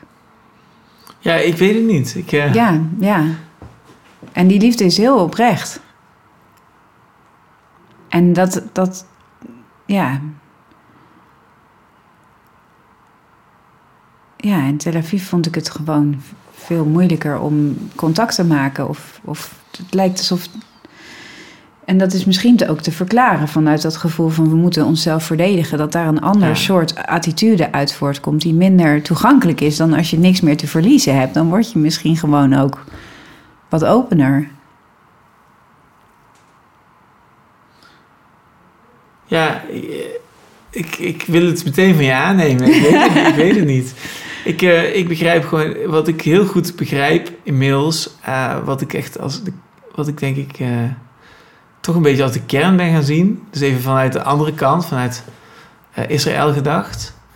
Dus het probleem van wat, Jood, wat Joden hebben in de wereld is dat om de zoveel tijd, laten we zeggen eens in de 100 à 200 jaar, is het weer zover.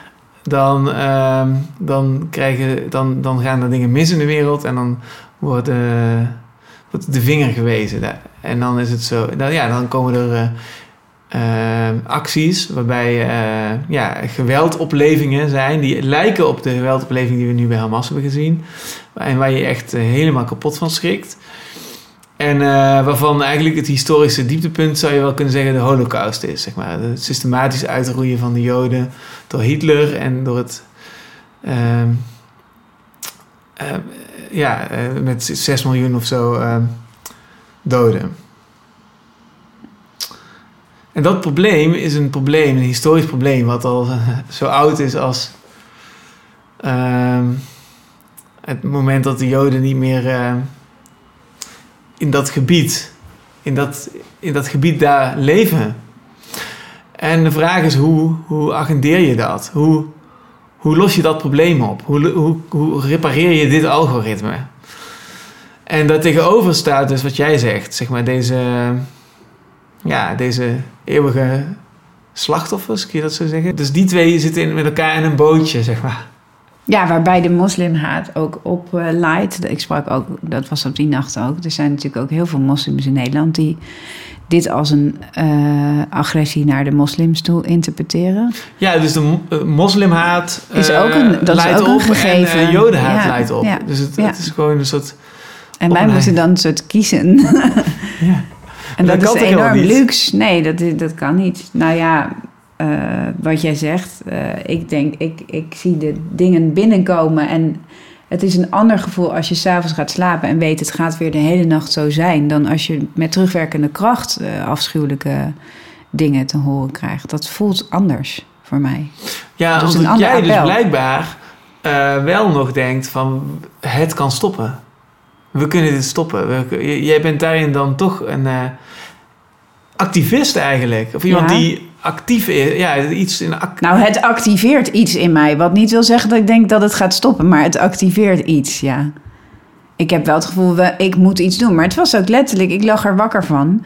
En ik wist, er zijn meer mensen die wakker liggen. Laten we het dan met z'n allen doen. En um, lig je letterlijk heel de nacht wakker? Of hoe werkt dat? Laten we daar eens in Nou, het is wel met, met kleine, kleine hazenslaapjes dus door. Interessant genoeg lig ik er dus minder wakker van... nu ik die slaapstaking ging organiseren. Dus toen voelde ik ook... Oh, activisme is ook een interessante manier...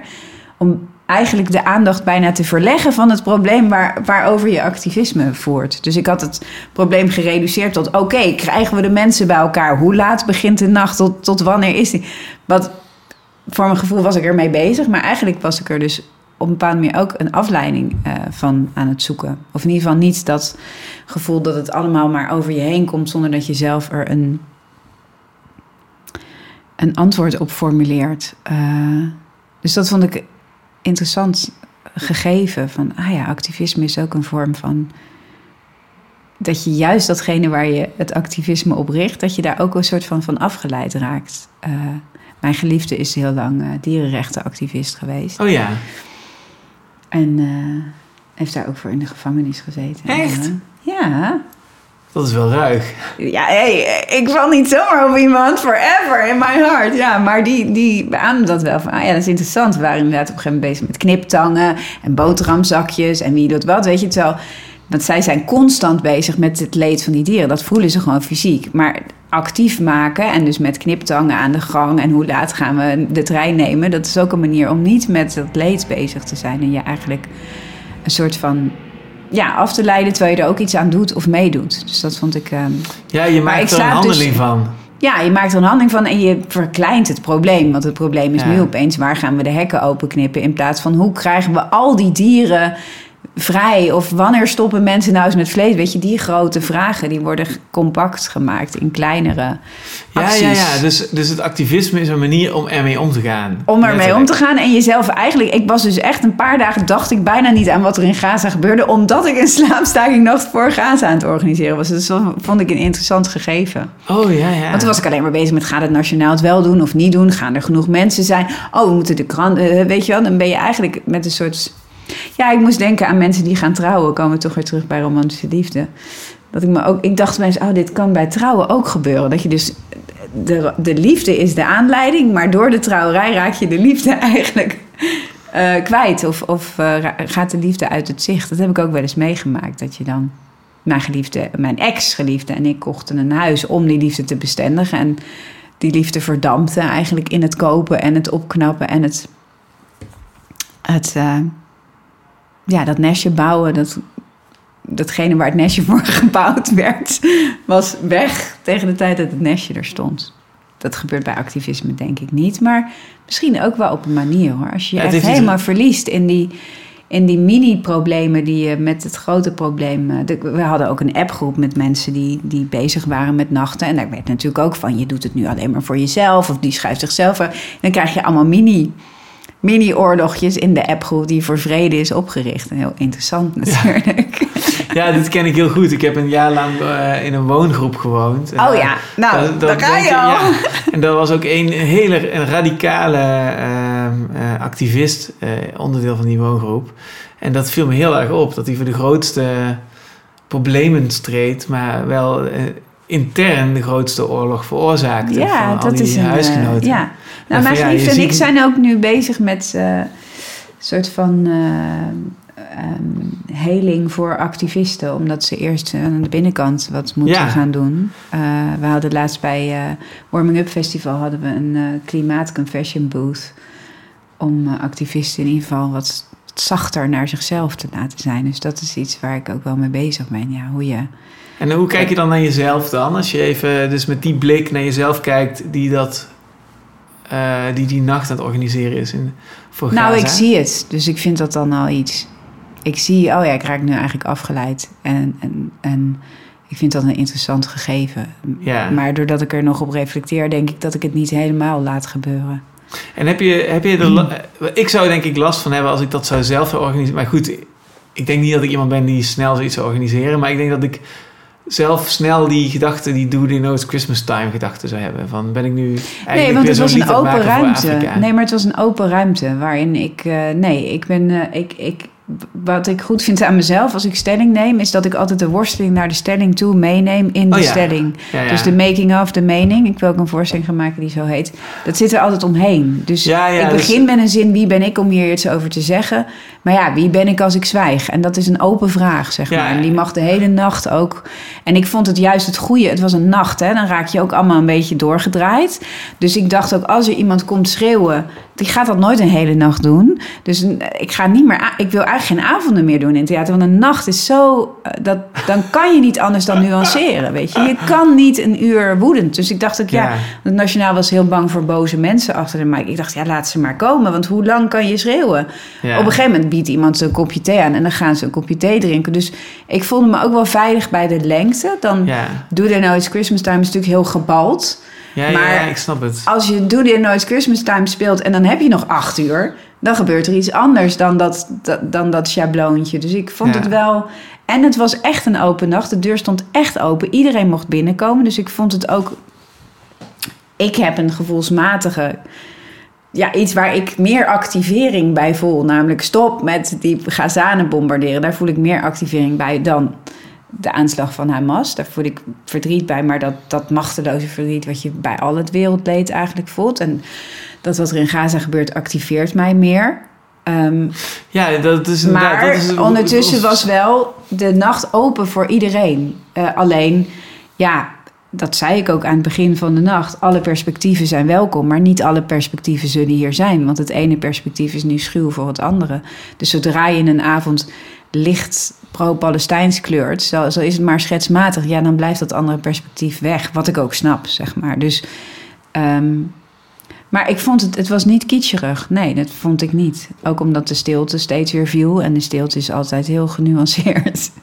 of gelaagd of, of eh, genereus.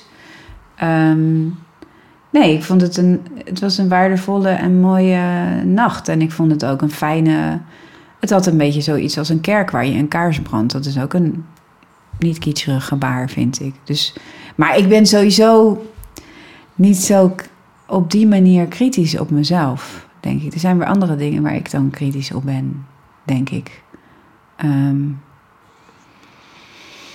bijvoorbeeld nu vind ik dat ik me helemaal niet goed genoeg inlees. Weet je, dat is wel als jij dan, ik denk, oh god, hij heeft alle kennis en ik heb een gevoel erbij, snap je? Dat is eerder iets waar ik mezelf op zou afstraffen, dan dat ik bang ben dat het kitscherig is of, of eh, sentimenteel of, eh, snap je? Dat is Ja. niet mijn, daar, daar zit niet mijn zelfcensuur of zelfkritiek. Het is wel interessant wat je zegt, want ehm, ik denk gewoon van, we, we, ik zie dat dat als complementaire krachten. Dus jij vult eh, aan wat ik eh, minder heb en ik vul aan wat jij minder hebt of zo. Dus we- zolang we maar samen een poging doen om eruit te komen, dan vullen we elkaar aan of zo. Ehm, maar het is wel interessant, dus jij zegt van, van ik werk heel erg vanuit mijn gevoel. Dus jij hebt eigenlijk een hele sterke gevoelsreactie op wat je ziet. Klopt dat? Nou, ik werk niet altijd vanuit gevoel, want anders krijg je Maar- maar, dat mannelijke, Ja. dat man is het hoofd, de vrouw is het hart. Dat is niet zo. Dat is wil ik ook niet zeggen. Maar... Het is een eh, eh, intelligente intuïtie, zou ik het willen noemen. Dus er zijn ook woorden voor, er is ook een analyse van, er is taal. Maar de impuls is niet, die begint niet hier. Ja. Maar het hoofd werkt wel mee en de taal werkt wel mee om het te communiceren. En hoe komt Anja Meulenbelt dan bij jou eigenlijk terecht? Die. Ik even denken hoor. Ja, dat snap je toch wel? Ja en nee. Ik snap het wel, maar ik ben wel ook benieuwd of zo. Van, Nou ja, bijvoorbeeld omdat ik eh, zeg maar met humor en zelfreflectie en het idee, ik kwam met het idee, oh, je maakt me een romcom in Gaza. Zij vindt het natuurlijk juist leuk dat wat ik doe ergens ook altijd weer ligt. En zelfs op die nacht van Gaza hebben we heel veel gelachen. Heb ik ook gewoon grapjes gemaakt ten koste van mezelf. Dus ik snap wel dat iemand die veel... Ik ben in die zin niet dat klassieke geëngageerde... waar je zeg maar aan kapot gaat. Dat heb ik niet. Oh ja. Ik snap er ook weer uit. ja, En ik reflecteer ja. er ook weer op. Waardoor het ook... Waardoor het Nationaal Theater mij durft een hele nacht te programmeren. Omdat ze weten, ja, maar Laura gaat het altijd ook ergens persoonlijk maken of, of, of Ja. Licht. Ik neem mezelf niet serieus genoeg, ook om echt, daarom zou ik ook geen politicus kunnen zijn uiteindelijk. Ja, waarom? eh, ik, eh, ik heb eh, My Name is Rachel Corrie heb ik gespeeld, die voorstelling over die Amerikaanse die als levensschild naar Gaza ging. Toen heb ik haar een aantal keer gevraagd of zij nagesprekken wilde doen. Oh zo, dus je kent haar en ik ben gevraagd, het interessante is, ik ben gevraagd door Koos Terpstra om die voorstelling te doen. Heel lang geleden. En toen zei hij, wil jij dit doen? Want jij bent de enige die ik ken die licht genoeg is en relativerend genoeg is om dit te doen. Zonder er zelf helemaal kapot aan te gaan. Want hij zei, als ik dit doe, krijg ik een hartaanval ervan. Ik ben zo kwaad. Dus ik werd toen eigenlijk gevraagd vanwege mijn gebrek aan engagement Ja. om eh, die voorstelling vorm te geven. En ik heb daar ook heel veel lol altijd in. De lol om haar tot leven te wekken is bij mij groter dan de woede over het feit dat ze uiteindelijk sterft. Dus, ehm, dus daarom ben ik ook niet zo bang voor Do They Know It's Christmas Time. Dat ik gewoon uiteindelijk mijn humor toch altijd weer eh er doorheen wil. En dat is ook waarom ik jou niet in dit gesprek toch niet kwijtraak. Ook al zitten we denk ik wel een beetje in andere gebieden.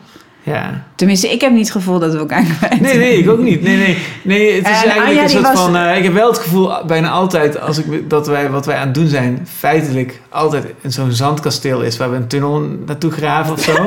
Soms is het even zoeken, zo van of je bij elkaar uitkomt, hè? of je niet heel langs elkaar heen aan het gaan Ja, bent. Maar ik heb wel het gevoel dat we, die, dat we allebei die poging ondernemen. Nou ja, wat het natuurlijk op, op Oerol heel erg hielp... was dat we een soort gemeenschappelijke, niet vijand... maar dat we krek hadden ja, om ons tegen te verhouden. Als wij samen op toneelschool hadden gezeten... was dat heel goed gewerkt, denk ik. Want dan Ja. hadden we gewoon met z'n tweeën... de hele tijd in de toneelschool stom gevonden. ja, Maar ja, volwassen worden is dat je op een gegeven moment... dat soort dingen niet meer nodig hebt om je, Ja, om je te kunnen... Nee, dus zo kwam Anja bij mij terecht. En ze heeft ook met Mark gewerkt... want die eh, ging met haar mee om te filmen... oh ja. En dat is een veel klassieker geëngageerd iemand die gewoon heel boos is en, en, en heel ontroerend en aantrekkelijk daarin. Ehm, en zij, wij hadden samen een voorstelling. Ik had natuurlijk een voorstelling gemaakt waarbij ik hem de liefde verklaarde. Dus zij, zij kenden ons allebei los. En ze dachten, als die als duo gaan, dan heeft dat iets. Ja, dan levert dat een soort nieuw soort geluid op. Oh, en, ja. en wij zouden daar gewoon allemaal mensen ontmoeten. Zij heeft een soort thuiszorgstichting die allemaal mensen in vrij abominabele situaties nog probeert iets van zorg te bieden. Dus zo kwam ze bij ons terecht. En wij hadden daar, ja, wij, wij hadden daar wel zin in. Ik zag er ook wel tegenop. Ik had er wel een heel doemachtig gevoel bij. Ik dacht wel echt dat ik dood zou gaan daar. Ja? gezegd. Ja, dat dacht Dat was ik ook misschien echt. wel gebeurd als je daar... Als die- ik daar op het verkeerde moment was gegaan. Maar ik vond sowieso... eerder. Mark vertelde dat je dus dan na de checkpoint een heel lang... Ja, wat je van die hamstermezes heb je. Dat je dus een heel lange metalen soort van doolhof door moet. En dat ben je echt in je eentje 20 minuten aan het lopen tussen allemaal metalen muren. Dat leek me al heel Ja, bedreigend. En het feit dat zij dus dat Anja en die stichting zeiden... Je kan, je- we sturen mensen maar drie dagen. Want als je langer gaat, dat is gewoon echt te traumatisch. Dus ik maakte me wel op voor een stevige reis. En ik ben, heb kinderen. Dat is moeilijk als je spannende dingen wil doen. ja. Ja Dus hoe ga je daarmee om? Nou, ik ben niet gegaan. Ja, je bent niet gegaan. Ehm, nee, ik ben niet gegaan eh, met die kinderen, hoe ik daarmee omga. Nee, ik bedoel, ja, dus dat je dus wel dat, die grenzen opzoekt, maar ook kinderen. Nou, dat was, dit was voor het eerst dat ik zoiets deed waarvan ik echt dacht dat het, dat het mogelijkerwijs gevaarlijk was. En daar had ik wel wat zorgen over. Maar ja, maar ben je, niet, ben je niet kapot geschrokken dat het net in die week... Ja, tuurlijk. Heel Dat- erg. Ja. En daardoor ging het ook gelijk op een gevoelsmatig niveau eh, naar binnen. Omdat, Ja. je, omdat wij zaten ook vanaf dat moment in een appgroep met een vrouw die zit eh, in Jeruzalem. Die is getrouwd met een Palestijn. Dus wij krijgen heel de tijd haar dingen binnen. En dus daardoor zat ik al direct in een ja, kamp. Ook Ja. Voor mijn gevoel. Eh, ja. Nee, daar ben ik wel van geschrokken. Ik was al, dat, dat was zo stom nog, want ik was echt al eh, licht overspannen. Twee dagen voordat we zouden gaan, had ik al stiekem gedacht: oh, ik wou dat het niet doorging. En toen gebeurde dit. Dus toen had ik ook zoiets van. Jij hebt het eigenlijk gewenst. Ja, nou, ik weet dat het heel kinderachtig gedacht is, maar ik dacht het wel even. Van wat erg dat ik dat gedacht heb. En ik was ergens ook opgelucht. Helemaal in het begin, hè, want zodra ik merkte van wat er echt allemaal aan de hand was. Maar toen ik even hoorde, nee, het kan niet, want er is shit aan het stront aan de knikker daar, was ik even zo, phew. En toen daarna dacht ik, maar nee, dat was wel een heftige, ingewikkelde situatie, ja. Waar we allebei in zaten. En mijn geliefde is iemand die de hele dag al die heel erge ellende, zeg maar, eh, tot zich neemt. Oh ja. Dus die moet heel veel huilen en zo. Ehm, dus die probeer ik ook een beetje te ondersteunen in deze. Ik vind het zelf ook moeilijk om er niet naar te kijken. Ik moet snel weer een sla- slaapstaking organiseren om mezelf een beetje af te leiden. Ja, dus jij zegt van dat, ehm want we hadden net over dat activisme, dat dat dus ook eh, helpt bij het bezweren van. Ja, van de pijn, het voelen Ja. van de pijn. Ja, dat denk ik wel, ja. Ik, ik denk dus dat veel mensen die, een beetje een modern woord, maar die hypersensitief zijn, eh, activisten dingen gaan doen om een beetje die andere hersenhelft ook te activeren. Dat je niet alleen maar in dat gevoel. Maar oké, we gaan iets doen, weet Ja. je wel. Dan kan er een Excel dat leidt af en een appgroep leidt af en een begin- en een eindtijd. Weet je, wij konden een begin- en een eindtijd van die nacht bepalen. Dan heb je een gevoel van macht er ook precies die dat, dat jij beschrijft, dat je gewoon het niet meer weet. Als je zegt, oké, we beginnen om 11 en we eindigen om 9. Dan heb je iets voor je gevoel. Concreet. Ja, iets bepaald. In een Ja. situatie waarin je natuurlijk compleet machteloos bent, heb je dan een soort bakens. En het heet Ja. voor Gaza. Dus je hebt in die situatie iets afgebakend.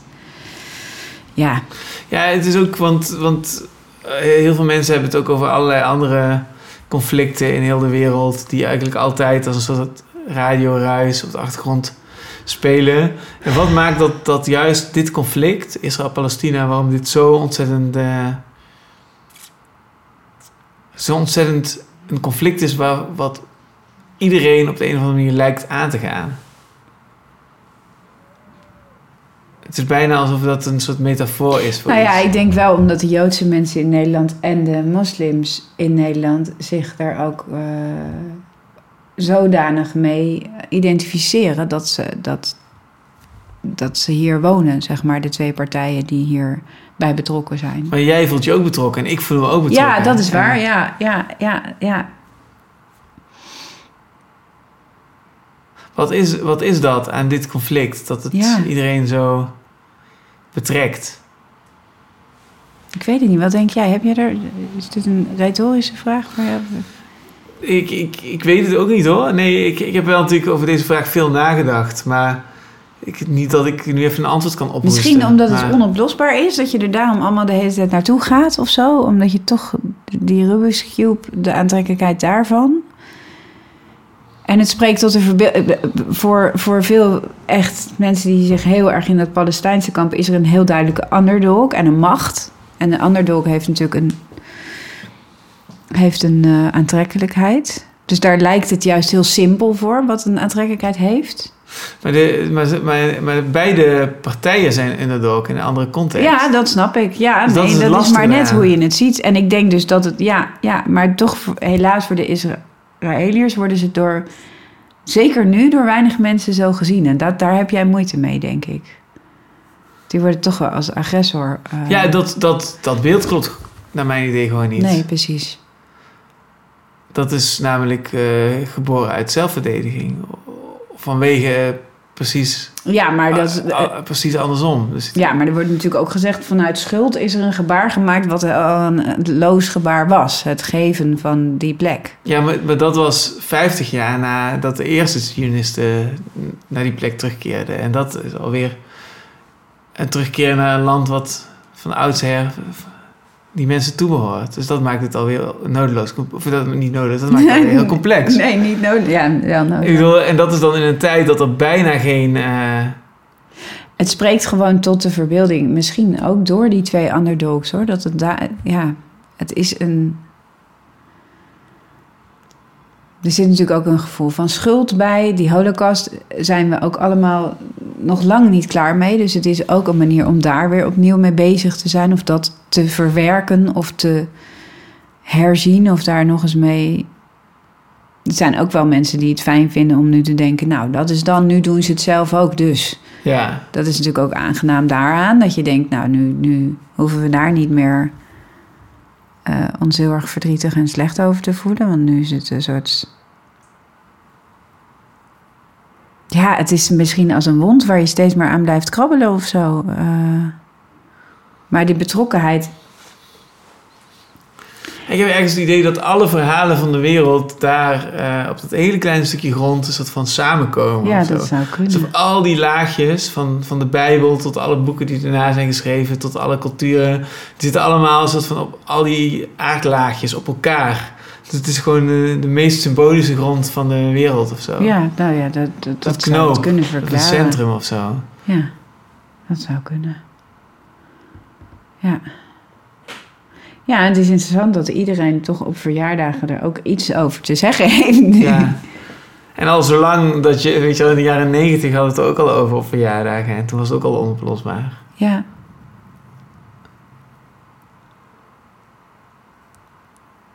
Ja. Hadden we het maar een jaar geleden, dit gesprek. Ja, dan hadden we het iets makkelijker gehad. En dan hadden we waarschijnlijk hele andere moeilijkheden. Dan hadden we, dan hadden we het over- misschien wel over onszelf moeten hebben. En dan was het Ja, moeilijker geweest. Ja, dat is spannender op een, op een manier. Want ik heb twee voorstellingen gemaakt die heel erg persoonlijk waren. Geen verhaal over mijn scheiding en de uitnodiging over mijn nieuwe liefde. En nu komt er een voorstelling uit, Heel heet die. Ik weet nog absoluut niet wat ik ga doen. Dat is over twee weken, maar ik geloof dat het wel, er gebe- gaat wel iets gebeuren.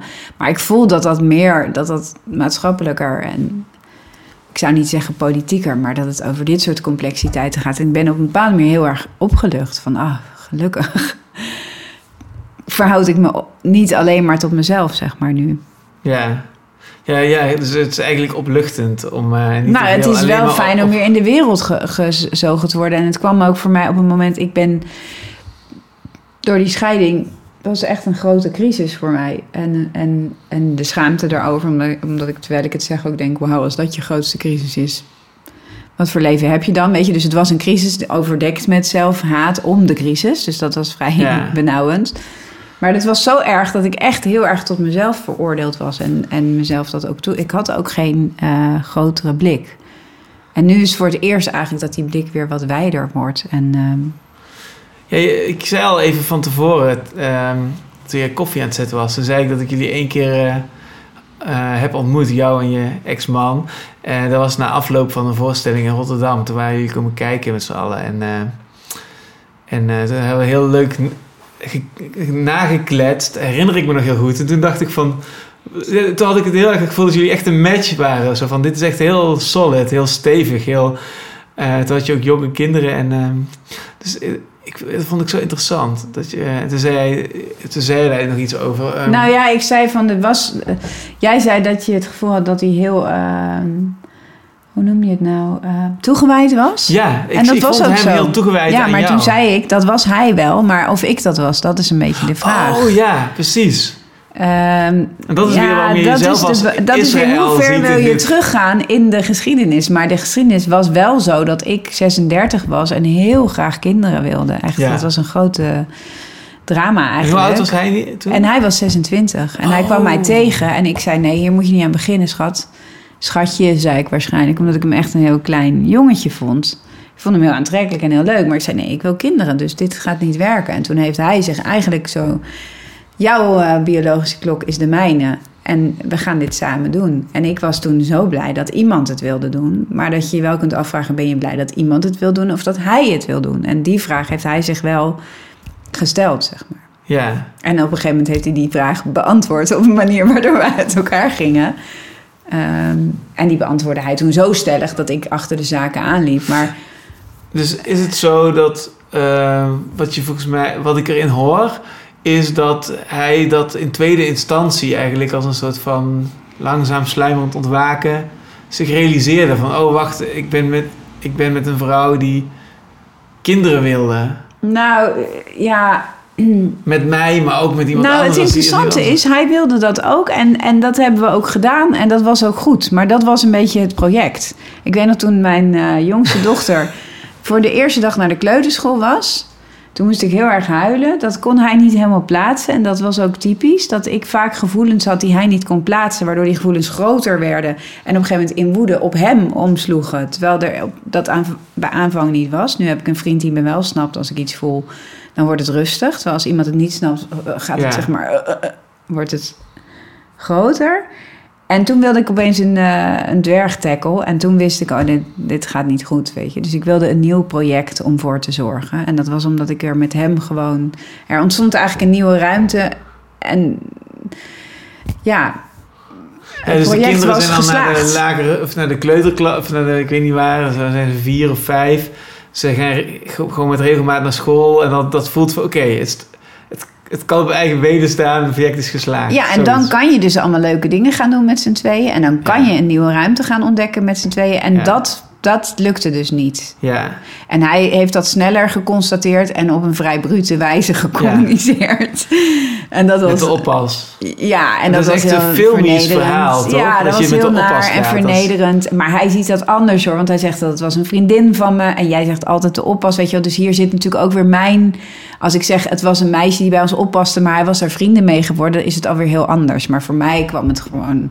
Ja, zij was twintig jaar jonger dan ik. Dat speelde ook heel erg mee in... Oh, dus, hij, dus zij was nog weer tien jaar jonger dan Ja, nee, het was echt eh, heel heftig en verschrikkelijk. Omdat ik het sowieso moeilijk vind om ouder te worden als, Ja. als mm, vrouw, wil ik toch zeggen daarbij. Omdat ik denk dat dat echt wel een complicerende factor is in ouder worden. Ja, er zit iets heel gemeens in de natuur, hè? Dat, eh, wat dat een, voor vrouwen en mannen. Eh, hoe zeg je dat? Mannen hebben een moeilijkere start qua eh, ehm, aantrekkingskracht of seksappeal of al die dingen, maar die halen dat in. En bij- vrouwen beginnen sterk, maar bij, daarmee neemt het af. En ergens komen die twee elkaar tegen die lijn of zo, die kruisen elkaar. ergens, ja, misschien. Ja, nou, of dat echt waar is of dat dat ook perceptie is, dat weet ik niet. Ik zou niet willen dat, is, zeggen. dat is natuurlijk voor een deel perceptie. Het heeft ook met. ehm, denk dat mannen niet per se aantrekkelijker worden, maar dat ze niet zich zo onzeker voelen over ouder worden, dat maakt ze natuurlijk aantrekkelijker. Dus ik denk dat er nog wel wat aan te doen is. Tuurlijk, nee, ik denk dat het, gegevens. nee, maar ik bedoel, ik denk dat het, ik, het heeft ook vaak te maken met wanneer je dus ook voor een vrouw een goede catch wordt. Dat heeft te maken met wat je verwerft voor een man, voor een deel. Of wie je wordt, of met je wordingsproces. En daarin is het wel heel vaak zo dat een 20-jarige jongen is gewoon een 20-jarige jongen, dat voelt eigenlijk als een, als een, als een kind. En dan moet je gaan ga- het leven ingaan. Dus een man die doet dan ervaringen op en, en, Ja, en, maar ja, zo zou een vrouw ook aantrekkelijker moeten worden, feitelijk. ja, nee, en kunnen worden, tuurlijk. toch? Ja, ja, nee, tuurlijk. Ja, nee, ik- puur het spel Wij waren daarin wel en een uitzondering, want hij was een heel jong jongetje Ja, en ja. ik was een ervaren vrouw. En dat vond hij heel leuk en dat vond ik ook heel leuk. Dus dat heeft heel lang voor ons gewerkt. Maar En, en, en werd We je konden niet een nieuw- van, dat, van, die, van die situatie? oh, verschrikkelijk. Nee, dit was echt afschuwelijk. Ik, kon- toen kon ik echt niet slapen. En ik had ook weer, mijn ouders eh, hebben een soortgelijke situatie gehad toen ik klein was. En eh, dus ik, dit greep ook heel erg in een trauma voor mij als kind. Dus ik, ik ervaarde eigenlijk wat ik ervaarde, de pijn. En, en de pijn die ik als klein meisje had gehad, die projecteerde ik op mijn kinderen. Dus ik voelde een soort twee sporen van Oh ja. horror.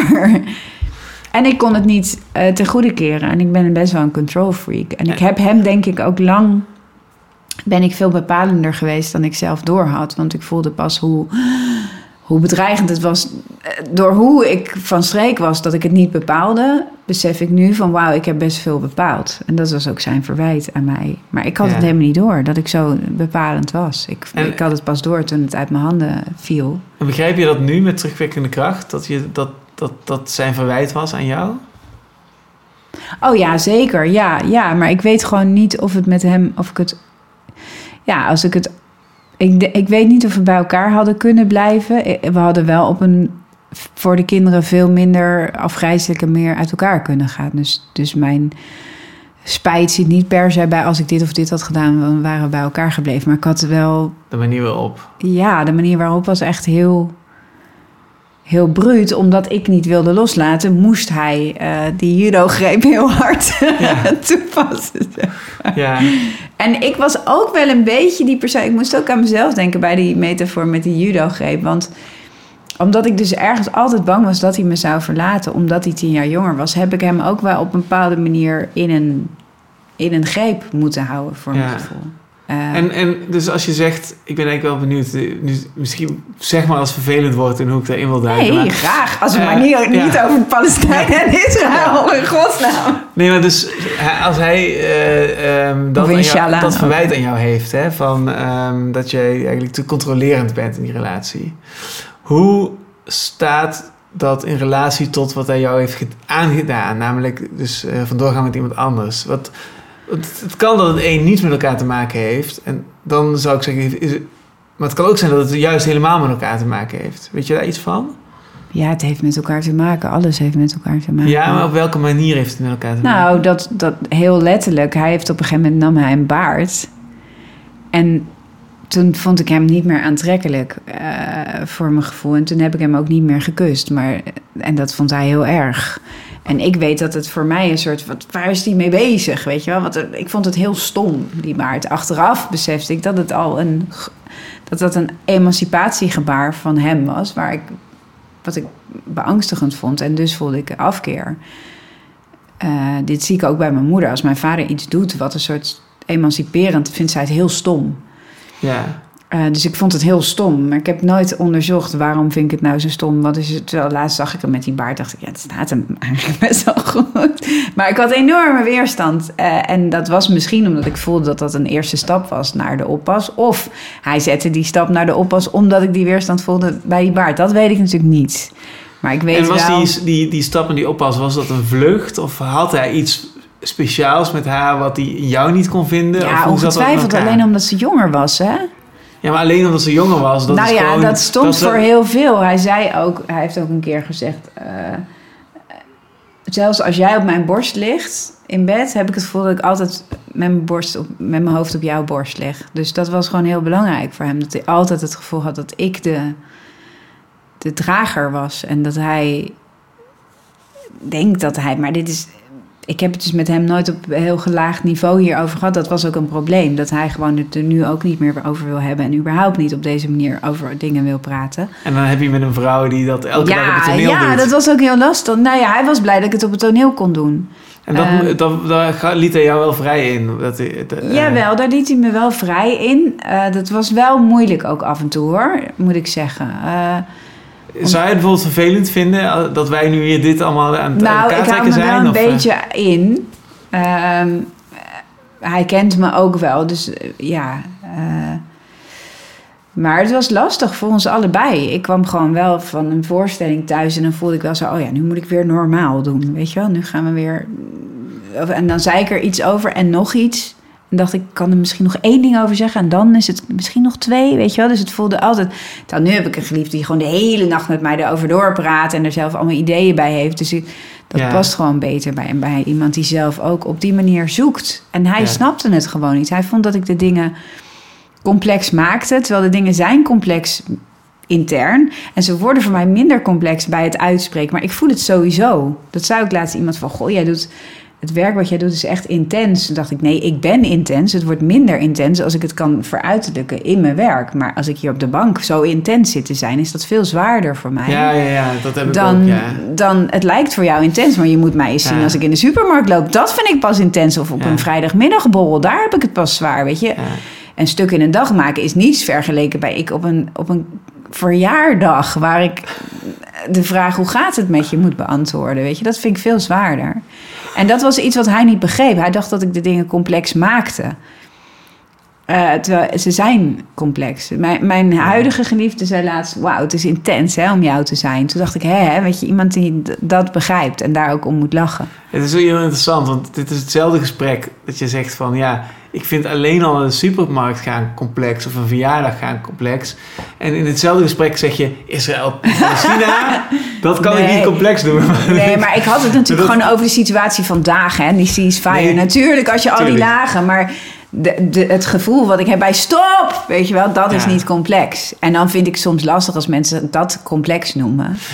Ik begrijp het heel goed, maar meer om, om aan te geven hoe al die, dat- hoe elke waarheid zichzelf ook weer ondermijnt. Ja, nee, tuurlijk. Ja, nee, zo, maar hè? ja, nee, dat klopt. En ja. overigens, ik, herken, Maar ik herken me helemaal in je verhaal. Ik heb dat ook als ik gewoon op een bank zit en ik laat het stormen in mijn hoofd. Dat is veel heftiger. Ja, dan word ik helemaal Terwijl als mensen eh, zien wat ik eh, gedurende de dag doe, dan lijkt dat eh, inderdaad...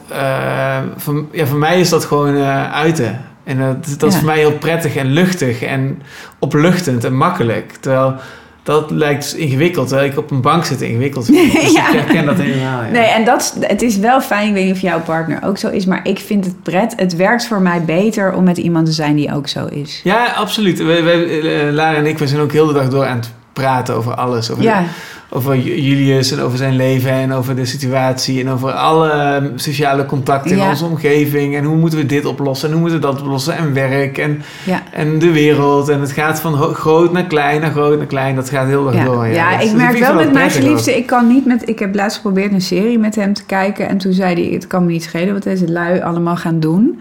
Wat ik heel leuk vond, maar toen Welke dacht serie ik, was dat? Six Feet Under. Ik Oh, dacht, ja. die moet wel kunnen. Maar zelfs dat vond hij saai. Ik dacht, ja, als je dat saai vindt, dan, dan Ja. wordt het niks. Een echte activist. Ja, nee, maar dat is, het is wel, ik zei wel, we moeten iets verzinnen om te ontspannen samen. Dat is nog een probleem met mijn huidige geliefde. Dat het gewoon constant maar doorgaat en doorgaat. Terwijl met die vorige geliefde kon ik wel, daar kon ik bij ontspannen. En je, je huidige geliefde, het is niet dat hij nu ook nog in de gevangenis zit, toch? Nee, nee, nee, nee, nee, zo klinkt het wel, nee. Nee, hij zit nu naast mij op het podium. Oh eh, ja, oh, ja. ja. volgens mij vertelde Hij dat zat al. op, op, het podium. Ik had een soort lange liefdesverklaring aan hem. En doet en- hij ook mee? Praat hij ook? Of, eh, ja, of- hij ging steeds meer terugpraten Oh ja. eigenlijk. Eh, en hij is zelf ook, hij, hij praat zelf ook op podia. Maar ehm, ja, maar dat zegt iets over mij. Ik zeg hij mocht steeds, ik zeg niet hij mocht, maar dat was wel ehm, ook in het kader van mijn vorige geliefde dacht ik wel, ja, nu heb ik weer iemand op een podium gezet, helemaal in mijn context. Dus dat is gewoon wel iets, ja, dat doe ik wel. Maar dit is een heel sterk iemand. Die zo eigenwijs dat hij zich er wel weer uitwurmt op zijn eigen manier of op tijd iets tegenover zet. Denk ik, hoop ik. Want het is, vind ik wel spannend, zeg maar. Ja. Ja, nou ja, het klinkt wel alsof je nu een soort van eh, een match hebt gevonden. Ja, nee, maar ik ben een verhalenverteller. Dus dat is, dit is wel Do Know It's Christmas Time. Misschien. Oh, zo. Ja, je vertelt gewoon een succesverhaal. Dit vind ik veel spannender gebied dan eh, zo'n Nacht voor Gaza die ik organiseer. Ja, je Hierin zei net, het misschien wel mezelf leuk, je- minder. Je zei dat je, dat je, dat je nacht, dat je, dat je voor de liefde ook echt wakker hebt gelegen. En je zei ook dat je voor Gaza echt wakker hebt gelegen. Is dat eenzelfde wakker liggen of is het een heel andere wakker liggen wat je dan doet? Nee, dat is een ander wakker liggen. Ehm, met Gaza heeft wel heel erg met verbeelding te maken. Dat ik me dus. Ik had. Dat je gewoon te laat voordat je gaat slapen nog een meisje ziet die haar vader en haar moeder en haar been kwijt is en niks te drinken heeft en niks te eten. En die kijkt je gewoon zo aan. Ja, dat, dan, daar lig ik wakker van. Omdat mijn verbeelding dan aangaat en ik mijn eigen dochter vastpak en denk Ja. kon ik haar maar vastpakken. Een soort gevoel van eh, urgentie waar je natuurlijk niets mee kan, behalve dan een slaapstaking organiseren. Dus de verbeelding is geprikkeld. En, en medegevoel met iemand die zo ver weg is dat je het niet kan actief maken. En dus ik die het idee heb dat ik hier iets mee moet. Op een andere manier dan, eh, dan als er ander soort leed eh, mijn kant op komt. Snap je wat ik bedoel? Ja. ja. En dat wakker liggen van... Ja, dat was trouwens ook verbeelding. Ik heb gewoon echt toen nachten dat ik alleen maar beelden van hij... hoe die met haar eh, seks had. Dus dat was ook wel mijn verbeelding die maar bleef gaan. En dat die seks is dan toch het meest, wat het meest eh ja, dat deed me, ja, dat vond ik echt zo Want dat is dan dat ja, leeftijdsverschil wat dan... Nee, ja, ja, dat had. En dat heeft ook wel. Ik heb later geleerd over mensen met verlatingsangst. En dat ben ik echt. Iemand met verlatingsangst, dat die ook seks inzetten als middel om die persoon eh, bij haar te houden. Dus dat is voor mij een manier om mezelf veilig te stellen. Dus Ja. een ruilmiddel. Dus, en, en daarom was ook dat hele, ook de pogingen om hem bij me te houden, waren ook seksueel van aard. En het had gewoon allemaal een heel naar seksueel, eh, seksuele kleur. Waar hij ook van zei. Ik ben niet met die vrouwen omdat ik daar liever mee naar bed wil, weet je. Maar ik, ik, dat heeft volgens mij met die verlatingsangst te maken. Ja. Dat, dat dat gebied van seksualiteit een soort plek is waar verlatingsangstigen zich proberen die ander binnenboord te houden. En dat werkte dus niet meer. Maar daardoor was dat dus een heel belangrijk eh, gebied. En eh, tegelijk een heel onprettig gebied. Om, omdat ik met mijn kinderen er doorheen moest. En het heel erg geseksualiseerd was. Dus dat was allemaal heel ja, onsmakelijk. Voor mijn gevoel. Ja, En het was ook in mijn bed gebeurd. Weet je, allemaal gewoon heel... Ja, wat je bij je kinderen weg wil houden, die, die sfeer wil je niet. Zoals je ruzie niet bij je kinderen wil, wil je ook dingen met Ja. seks en zo niet. En dat, dat speelde zich heel erg daarop af. Het, het speelveld was, ja, dat. En dat was ook hoe ik het zelf instak. Dus ik kon daar ook niet... Achteraf denk ik, hé, maar je hield toch ook van hem? Maar ik kon daar, kon daar niet bij. Ik was zo... eh, ik moet hem binnenboord houden, maar op een hele niet liefdevolle manier. Dus dat werkte ook niet. Maar het lukte me niet om daarbij te komen. Misschien omdat het ook te veel pijn had gedaan. Hè? Dat kan. Dat het ook een soort. eh, dat ik niet naar die echte liefde voor hem kon. ja ik denk dat... Hij zei: Je wil dat ik blijf, maar je houdt niet eens van me. Snap je zo? En Ja. dat snap ik achteraf wel. Ja, ik weet, ik weet eigenlijk helemaal niet of je, of je op mijn, eh, mijn eh, duiding zit te wachten. Maar Jawel, in deze context zeker. misschien, ik weet dat ik het altijd mensen aandoe. Dus ik, eh, maar dat ik me beter mijn mond kan houden. Maar nee, ik heb wel, dus ik denk dat wat ik interessant vind, toen ik jullie samen zag, toen dacht ik inderdaad van, oh, hij is echt toegewijd aan jou. En daar hadden we het net over, hè? En toen zei hij van, ja, hij wel aan mij. En ik moet dan dus, als je zegt van, ik ben 36 en ik wil kinderen, dat ken ik natuurlijk van eigen leven en mensen om ons heen. Eh, dat, is een, dat is echt een gek ding in onze tijd. We zijn opgevoed met vrijheid daarover. Maar, maar, maar zo vrij dat we, de hele generatie heeft gescheiden ouders of zo. Het is gewoon één groot mijnenveld van gebroken huwelijken. En, en heel erg opgevoed met nee, baas en eigen buik en Mm. et cetera.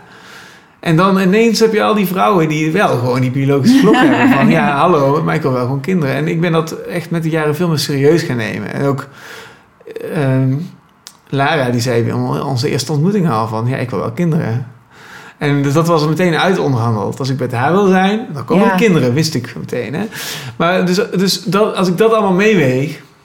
Vera, nu wordt het weer een Israël-Palestina verhaaltje. maar als ik al die dingen meeweeg, dan denk ik van... van ja, misschien heb je wel een echte match met, eh, met, die, met de man met wie je nu bent. En heb je in dat moment ook wel gedacht van... ja, maar het is als, ik wil zo graag kinderen en hij wil ze me geven. En ik bedenk dit verhaal. Ehm, wat ook in dat moment waarschijnlijk een heel goed verhaal was. Ehm het project, zoals je het net al noemde. En heeft hij daar altijd gevoeld van... Hmm. En ik heeft ook. ze dit, ja. En dat, Nou, eh, ik moet dat, zeggen- heeft, dat heeft hij misschien op een hele lelijke manier ge, gevreekt. Ja. Maar hij heeft het wel gevreekt. Hij moest eruit en hij moest eruit op een manier waardoor ik niks terug kon zeggen. Want hij wist ook, als zij gaat lullen, ik lulde hem van tafel. Dus ik moest echt tot zwijgen gebracht worden. Voel ook weer parallellen Ja. hier.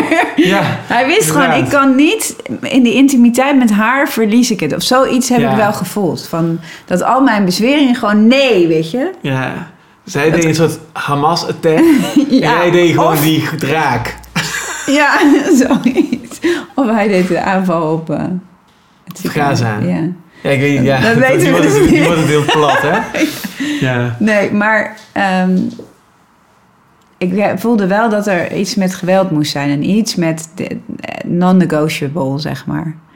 Ja. Eh, wij onderhandelen niet met terroristen. Ja, zoiets heb ik wel gevoeld. Interessant is dat mijn huidige geliefde ook al lang in beeld was. Want daar ben ik eh 17 jaar geleden, 18 jaar geleden mee naar de Westbank geweest. Oh, echt? Ja, hey, de plot thickens. Ja, daar ben ik eigenlijk... Was hij, hij was toen eh, met iemand anders.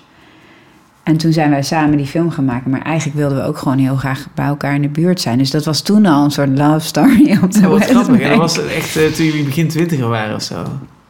25, 26, Oh ja. heel jong. En, eh, En eh, toen heb de- ik hem, ben ik, er zijn een paar momenten geweest, natuurlijk kijken we nu terug, en waren een paar momenten dat het bijna wel, maar ik had gewoon bij hem, hij is geen, niet de vader van mijn kinderen. Dus dat was voor mij gewoon, toen al duidelijk. Ja, ergens wel. En toen heb je Eh, even een andere vader. eh, Ja, ik heb wel nog één keer hem de liefde verklaard op Schiphol. En toen zei hij, toen had hij net een, een eh, vegan burger opgericht en moest hij naar, nou ja, had hij andere activiteiten, activistenactiviteiten. Dus toen heb ik een blauwtje bij hem gelopen. Maar het was ook wel gewoon niet een man waar ik aan dacht toen ik echt zo naar die vader op zoek was. ja. En nu merk ik ook wat de vruchten, de vruchten die we daarvan plukken is ook. Gisteren hadden we het nog over. Die kinderen die renden zo rond en zeiden: oh, het is vreselijk verwend en eh, gewoon helemaal niet dankbaar. We hebben ze ook slecht opgevoed. zo, dit soort dingen zaten we tegen elkaar te zeggen. En hij zei ook: ja, al mijn activistentijd zit in deze wezens. Weet je, ik had de wereld kunnen veranderen. En toen, toen zei ik ook: van volgens mij, als wij samen kinderen hadden gekregen, hadden we nooit zo luchtig en zo leuk erop kunnen reflecteren. Weet je wel? Want dan heb je het met z'n tweeën heilig verklaard. Dan nu is er een ruimte waarin we samen weten: jouw kinderen zijn voor jou heilig, mijn kinderen zijn voor mij heilig. Maar samen kunnen we er een soort op een andere manier naar kijken, die ik heel leuk vind. Eh, en ja, dat is niet dat onvoorwaardelijke. Dat heeft ook dat hele bonusgezin is ook voorwaardelijk. Maar dat vind ik ook ontroerend aan, weet Ja. je? Dat ze ook allemaal op zoek zijn naar... oké, onder deze voorwaarden hou ik wel van... Niet die, dat cliché van wij gaan nu voor elkaar... wat natuurlijk heel erg knelt. Nee, dit is veel eerlijker. Van, we En- kunnen ervoor kiezen om, om van elkaar te houden. En daar moeten we ook allemaal een beetje wat voor doen. Terwijl dat kerngezin natuurlijk zogenaamd alles vanzelf gaat... wat natuurlijk helemaal niet zo is. Dus ik ben wel blij met deze constructie nu. Maar Ja. dat is omdat hij er is. Dus ik moet kan wel- hij het goed vinden met je kinderen? ja, maar ze zijn heel erg. eh, heel, hij vindt ze heel eh, babyachtig. En, en, en hoe vind je dat hij er eh, eigenlijk kleine activistjes van, van wil maken? Ben je niet bang dat het dan... Nee, dat doet hij niet hoor. Oké. Nee, dat doet hij niet. Er is er eentje die is dat Oh, het is meer het uitspreken van een soort van... eh, Nee, hij zei ik had het is meer een soort grap. Nou, hij zei ik ben nu allemaal activi activistentijd in deze kids aan het stoppen. En eigen ik heb een nageslacht gemaakt. Waarom? Weet je, ik had Ja. zoveel projecten kunnen doen om de wereld te verbeteren. Nu heb ik gewoon een aantal kinderen op een wereld zet die naar de kloten gaat. Want dat, daar is hij wel van overtuigd, Ja. zeg maar. Ja, ja, ja. Ehm, en een van de twee is wel, die heeft wel de activisten, dus die is ook vegan nu en zo. Maar dat, dat zat al in haar, zeg maar. Die andere die heeft gewoon scheid aan. ja. En die vindt hij bijna even lief. en dat hoeft ook niet. Dus Bijna nee, maar als stiefouder hoef je ze dus niet allebei even lief. Weet je, het is veel gezonder eigenlijk. Veel echter op een manier. Ontdaan van al die, al die clichés waar we natuurlijk uiteindelijk helemaal niet aan kunnen voldoen. Ja. Ja, de, ik, heb, eh, ook, ik heb dus gescheiden ouders. En dus ik heb, eh, mijn, mijn, allebei mijn ouders hebben ook weer allerlei andere relaties gehad. Dus ik heb er heel veel voorbij zien komen. En de belangrijke vormende jaren van mijn jeugd, van, vanuit mijn moeder, die had toen een vriend. En daarvan heb ik wel heel erg altijd de indruk gehad dat hij mijn broer Joost wel veel leuker vond dan mij. En dat, dat, is, dat, dat verwijder ik hem wel hoor. Ja? Ja? Dus het moet wel. oh shit. Ja, niet nog altijd op een gezellige manier. Ik kan er om lachen, maar ik heb dat altijd wel gevoeld. En daar heb ik ook wel iets van gevonden. Ja. Oké, nou, ik zal, ik zal Dus dat eventjes, eh, ze- de kinderen zijn nog jong, dus ik denk niet dat dat, dat, dat op deze Nee, leeftijd... maar het is- Als ze pubers zijn, dan, pakken ze, dan pik, pikken kinderen wel veel op. Ja. Dat zeg ik uit eigen ervaring.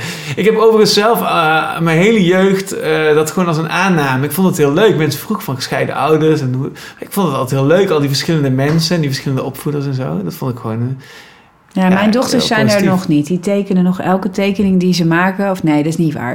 Eens in de zoveel tijd komt die tekening nog voorbij van mij, hun vader en zij. Oh ja, Dus zij zijn oh, wel. dat Maar is wel droevig. ja, dat is na twee jaar. Maar dat komt ook omdat ik het niet los kon laten. hè. Ik denk eh, dat, dat je ook als ouder daar de voorganger in bent. En ik heb wel heel erg uitgestraald. Dit is een complete ramp wat ons nu gebeurt. Ja. Dus hebben zij dat natuurlijk ook zo eh, ervaren.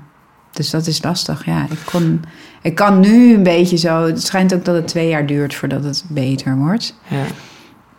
En het was lastig voor hun en voor ons alle vier, denk ik. Omdat het dus niet totaal... Het was niet helemaal kloten, ons gezin. Echt iedereen was heel verbaasd. Terwijl eh, in de basis kon je wel zien... Oh ja, dat zat er een beetje niet lekker. Maar we hadden het, voor mijn gevoel...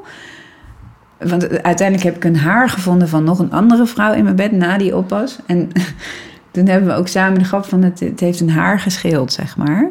ja, een haar gevonden. Ja. Dan ben je ook wel heel goed aan het zoeken. Nee, dat zei hij toen ook, maar dat was echt niet zo. Het was heel zielig. Ik was naar Costa Rica gegaan om een retraite te doen over vergeving, omdat ik hem wilde vergeven. Ik kwam thuis in dat gezinshuis en ik rende dus naar boven. Hij was toen naar Costa Rica gevlogen, ingewikkeld. Hij ging toen ook naar Costa Rica. Ik rende naar boven omdat ik dacht, hij heeft vast een briefje voor me achtergelaten. En toen vond ik die haar. Dat was echt... eh, Ik heb niet gezocht, maar dat was gewoon daar. En toen... Maar je hebt wel gezocht, maar naar een briefje van Ja, nou, ik rende naar boven en er was een haar, heel echt evident. Ook weer heel filmisch. Het is Een lange, zo donkere haar, weet Je je. je, je huidige geliefde is een, is een, eh, Nee, ja, nee, ik weet het. eh, een dierenactivist. Die heb je ontmoet op de Westbank. En dat is jullie liefdesverhaal. En, en, en, en, Ja, en, ja. en bij die man vind je dan een haar. En Ja, en een het is eigenlijk een haartje. de, de theatrale verdichting van, van, van al deze eh, puzzelstukjes. Ja, echt, eh, ja, maar ik zou dan... Dat is toch interessant, hè? Dat, trek ik dat dan aan? Of is het hoe ik het vertel? Misschien kan iedereen wel... eh, Ik denk dat je ook wel heel goed eh, bent daarin. In het, ehm, in de- het zelfmythologiseren van je ja, leven. Ja, ja, en dat is dus ook een valkuil. Dat is dus erg eh, lastig soms. Dat vond ik bij de uitnodiging... Was blij toen die op een gegeven moment gedaan werd. Want, was, want daar heb ik dus onze liefde de hele tijd dat verhaal verteld. En op een gegeven moment, nu merk ik ook, nu we dat niet meer spelen, is de realiteit veel weerbarstiger en Ja. echter en ingewikkelder en, en, en ook mooier op een bepaalde manier. Ja, het is gewoon zo grappig, omdat wij dus allebei, eh, wat, ik, wat ik aan het begin ook al even deed, hè, ehm, even alle kaarten op tafel leggen. Dat wil ik nu eigenlijk weer doen. Ehm, in de, na, na het hele gesprek wat we hebben gehad. Ehm, want we zijn allebei, ehm, hebben allebei enige overlap in hoe we dat volgens mij blijkbaar dus doen. Vanuit die, die storm eh, eh, die wereld proberen bevatten. Niet op de bank kunnen zitten. dus maar dat actief maken in handelingen. En dan praten En over hoe je niet op de bank kan zitten. En dan, dan, dan, dan, dan zijn er dus die liefdeslevens en dat kleine. En dat kleine is, een, is al eigenlijk onoplosbaar in zichzelf.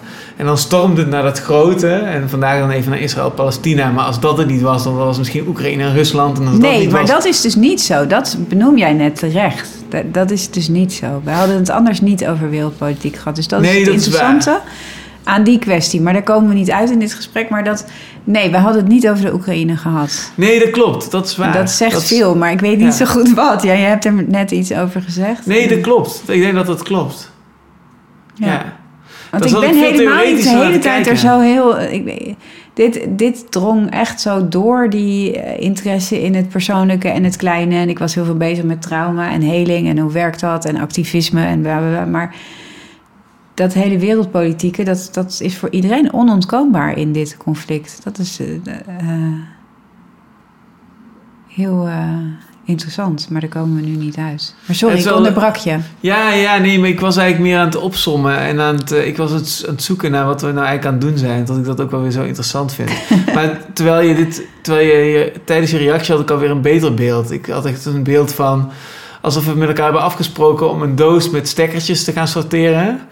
En dat, hebben we dan, dat zijn we dan tien minuten lang gaan doen. Maar nu is eigenlijk veel meer in de knoop geraakt. of zo.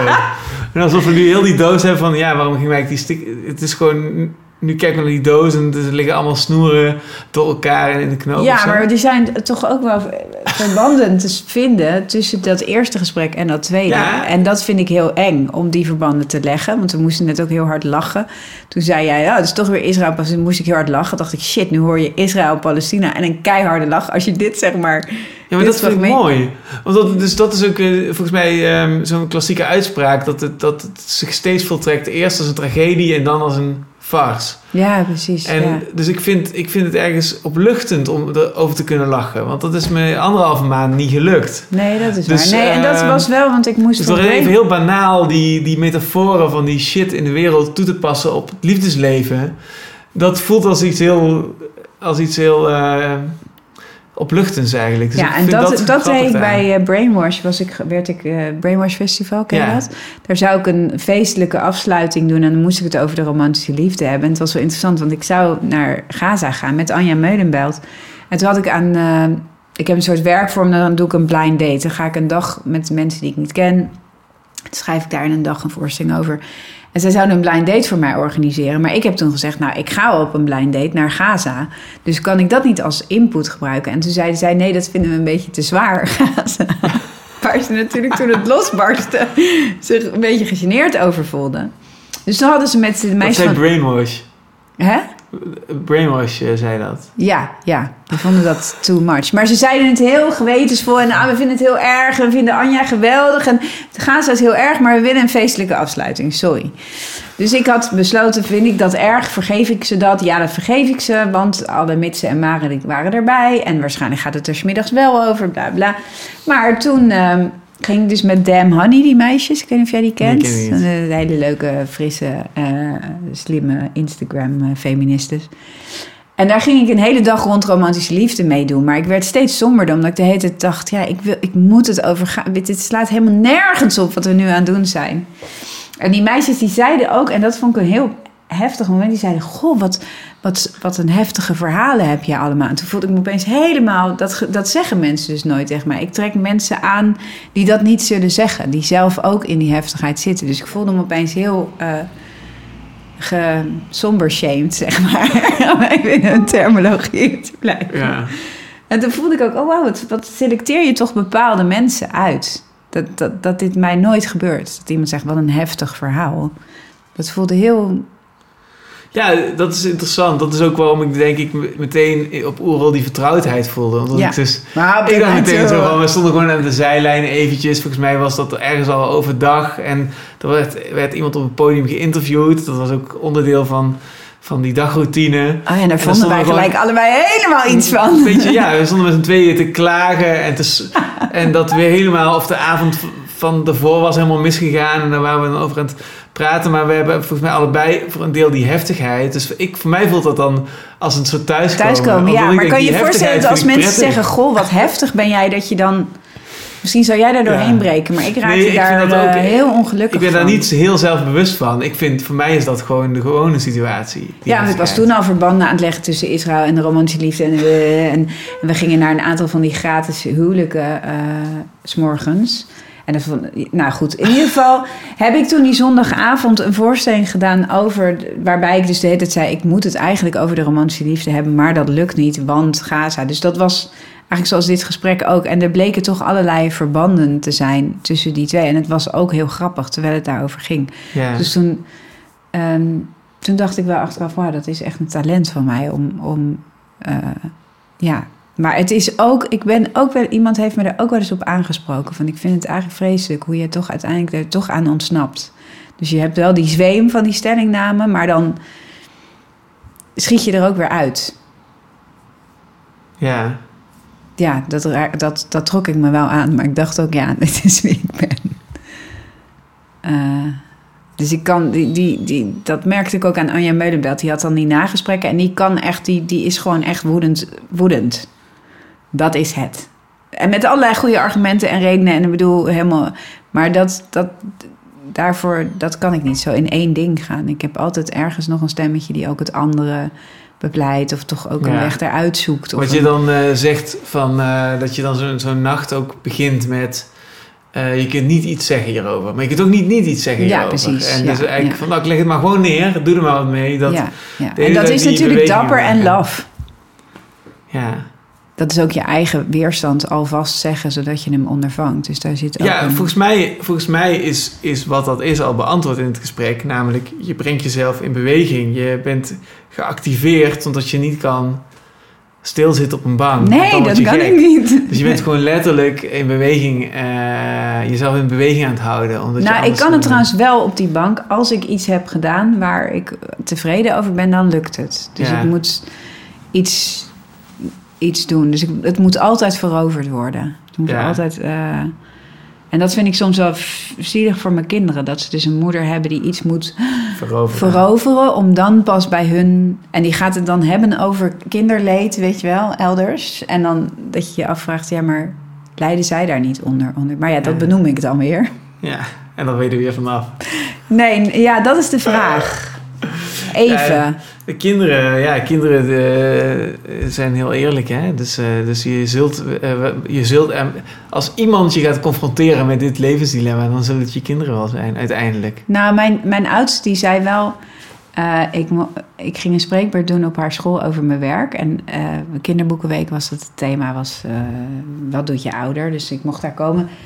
En er waren allemaal andere ouders die hadden objecten meegenomen... om, om hun werk te verduidelijken. Dus ik vroeg aan haar, wat zal ik meenemen? Toen zei ze, jij hebt niks nodig voor je werk. Alleen jezelf en je saaie praatjes. dus dat vond ik heel fantastisch. Ja. Maar ze zijn, ja, ze klagen nog niet echt. Maar mijn jongste, die had wel laatst een briefje geschreven. Dat vond ik wel best wel, dat deed me wel pijn. Die had geschreven, ik wou dat je op twee plekken tegelijk kon zijn. En ik vond vooral zo, eh, wat me zo raakte, was dat het zo genereus was. Want ze had ook kunnen schrijven, ik wou dat je bij mij was. Maar ze is dan, ze wil ook dat ik, Want die andere plek. ja, dat vond ik zo lief. En ze ziet denk ik dat, dat de, an- die andere plek eh negotiable is. Of niet, Ja, eh, ah. niet onderhandelbaar is. Oh, echt? Nog erger. Ja, dat vond ik heel, vond ik heel eh, ja, verdrietig ook. Maar dat zeg ik dan weer op zo'n nacht, weet je wel. Ja. En wat jij zegt, dan ben je ervan af. Nee, dat denk ik niet. Maar het is wel, het is een... Nee, ik ben er dan niet van af. Maar het is een brug tussen mij en de aanwezigen of zo. Dus ik ben er niet alleen mee. Dat is denk ik. Ja. Ja, grappig, ja. Dus een... eh, ik ben er niet alleen mee. Dus een bezwering van een eh, gevoel van eh, diepe eenzaamheid. Ja, ja. Ja, en schaamte ook. Dat, de- de- En dat is dan weer, dan zijn we toch weer bij, dat, bij die toneelscholen terug. Want dat is eigenlijk wat je daar dan uitvecht, toch? Dat die, die scholen je allemaal en allemaal van die samenwerkingen dwingen. En uiteindelijk vind je je vorm door in je eentje op dat podium te gaan staan. ja, En daarbij, dat, is heel, dat is heel erg alleen wat je dan doet. En dat zet zich af tegen die, tegen die wereld. En, eh, en dan, maar dat doe je in een bezwering om niet dat gevoel van alleen zijn te Ja, dat is de paradox, hè. Want ik zit heel vaak alleen in de trein en alleen. En ook bij die, bij die Gaza-actie dacht ik even... oh, nu trekken we allemaal met elkaar op. Maar dan glip ik er toch eh, vrij snel uit. eh, waar ook een paar mensen kritisch over waren, wat ik ook snapte. Maar ik, moest dan, ik had dan een interviewtje en dan zei iemand, een van de woordvoerders... Nou, je moet zeggen dat we als ehm, sector trekken we gezamenlijk op. Toen zei ik, ja, ik ben al in slaap bij die zin, weet je. Dat krijg ik mijn bek niet uit, dat kan ik niet. Ja. Ik maak dan liever een grapje over hoe wij in die appgroep ruzietjes hebben. Dat is gewoon hoe, Ja. wat ik dan wel zeg, maar niet wij trekken als. Dat kan ik niet. Dus toen voelde ik gelijk, oh, ik had even het gevoel, yes, we trekken samen op. Maar dat Ja. valt daar, daar, daar. Ja, terwijl er is nog steeds wel een gevoel van in ieder geval samen eh, een beetje. Maar ja, het ligt, ik, het ligt niet zo in mijn aard. Dat was toen wel bij. Ja, op Oerol was dat ook wel een beetje aan de hand. hè. Ik heb toen natuurlijk uiteindelijk Wilco en Frank heb ik gekaapt. En daar heb ik toen zelf een clubje mee eh, Ja. opgericht. Ja, er is altijd dat hele, die hele grote behoefte naar samen. En ondertussen de, direct alle manieren om daar weer aan te ontsnappen. Zoveel mogelijk. Heb jij dat? Kan jij samenwerken? Ik werk, ik kan wel sa- ja, dat is een lastige vraag. Ik denk dat ik ook het beste gewoon alleen eh, werk, ja. Maar dit is niet alleen natuurlijk. Maar dit is alleen nee, maar dat in is, een context onder die jij mijn creëert. voorwaarden. Ik moet mijn voorwaarden kunnen scheppen. Ja, ja. En, eh, maar ik, ik, ik ga nu, ja, dus ook nu, nu zijn we dan even aan een, zitten we aan een tafel te kletsen. En dan voel ik even weer die eh, ultieme verbondenheid. En dan straks stap ik in de auto en dan rijd ik weer mijn eentje weg. En dan zit jij hier in je eentje van, was Michiel nou langs geweest of niet? Eh, ik weet het eigenlijk al niet meer. Ja, maar En, dan eh, komt En er dan de- appt het weer weg of zo. Maar dan dus komt loop. gaat het in van ja, maar die- dan komt het online. En dan Ja. gaat er weer een verbondenheid zijn. Want dan Ja, gaat ja. iemand iets stoms zeggen en dan bel jij mij. Ja, Of- ja, maar het, het is ook niet een, een, een klacht, maar meer een constatering van, van zo werkt het bij mij. Dus een soort van af en aan, een app en een vloed. Of een soort van. Dus ik moet, ja, zo, zo ervaar ik sociaal contact, zo ervaar ik werken. En bij mij is dat ook één groot ding, één geheel geworden of zo. Ik ben Ja, altijd een beetje aan het werk. Ik ben eigenlijk altijd een beetje eh, gewoon met vrienden. Ja, het is gewoon één grote vermenging of zo. Ja, daar vergis ik me soms in. Want het is bij mij toch, is echt met vrienden echt wat anders. Ik, ik denk dit soms, dat ik intimiteit hier, dat ik alles hier uithaal. En dat, dan, dan loop ik altijd, eh, zeg maar, leeg. Er zijn toch echt mensen die echt mijn vrienden zijn, waar ik echt niet bij werk. Ja. Maar die zoek ik heel weinig op.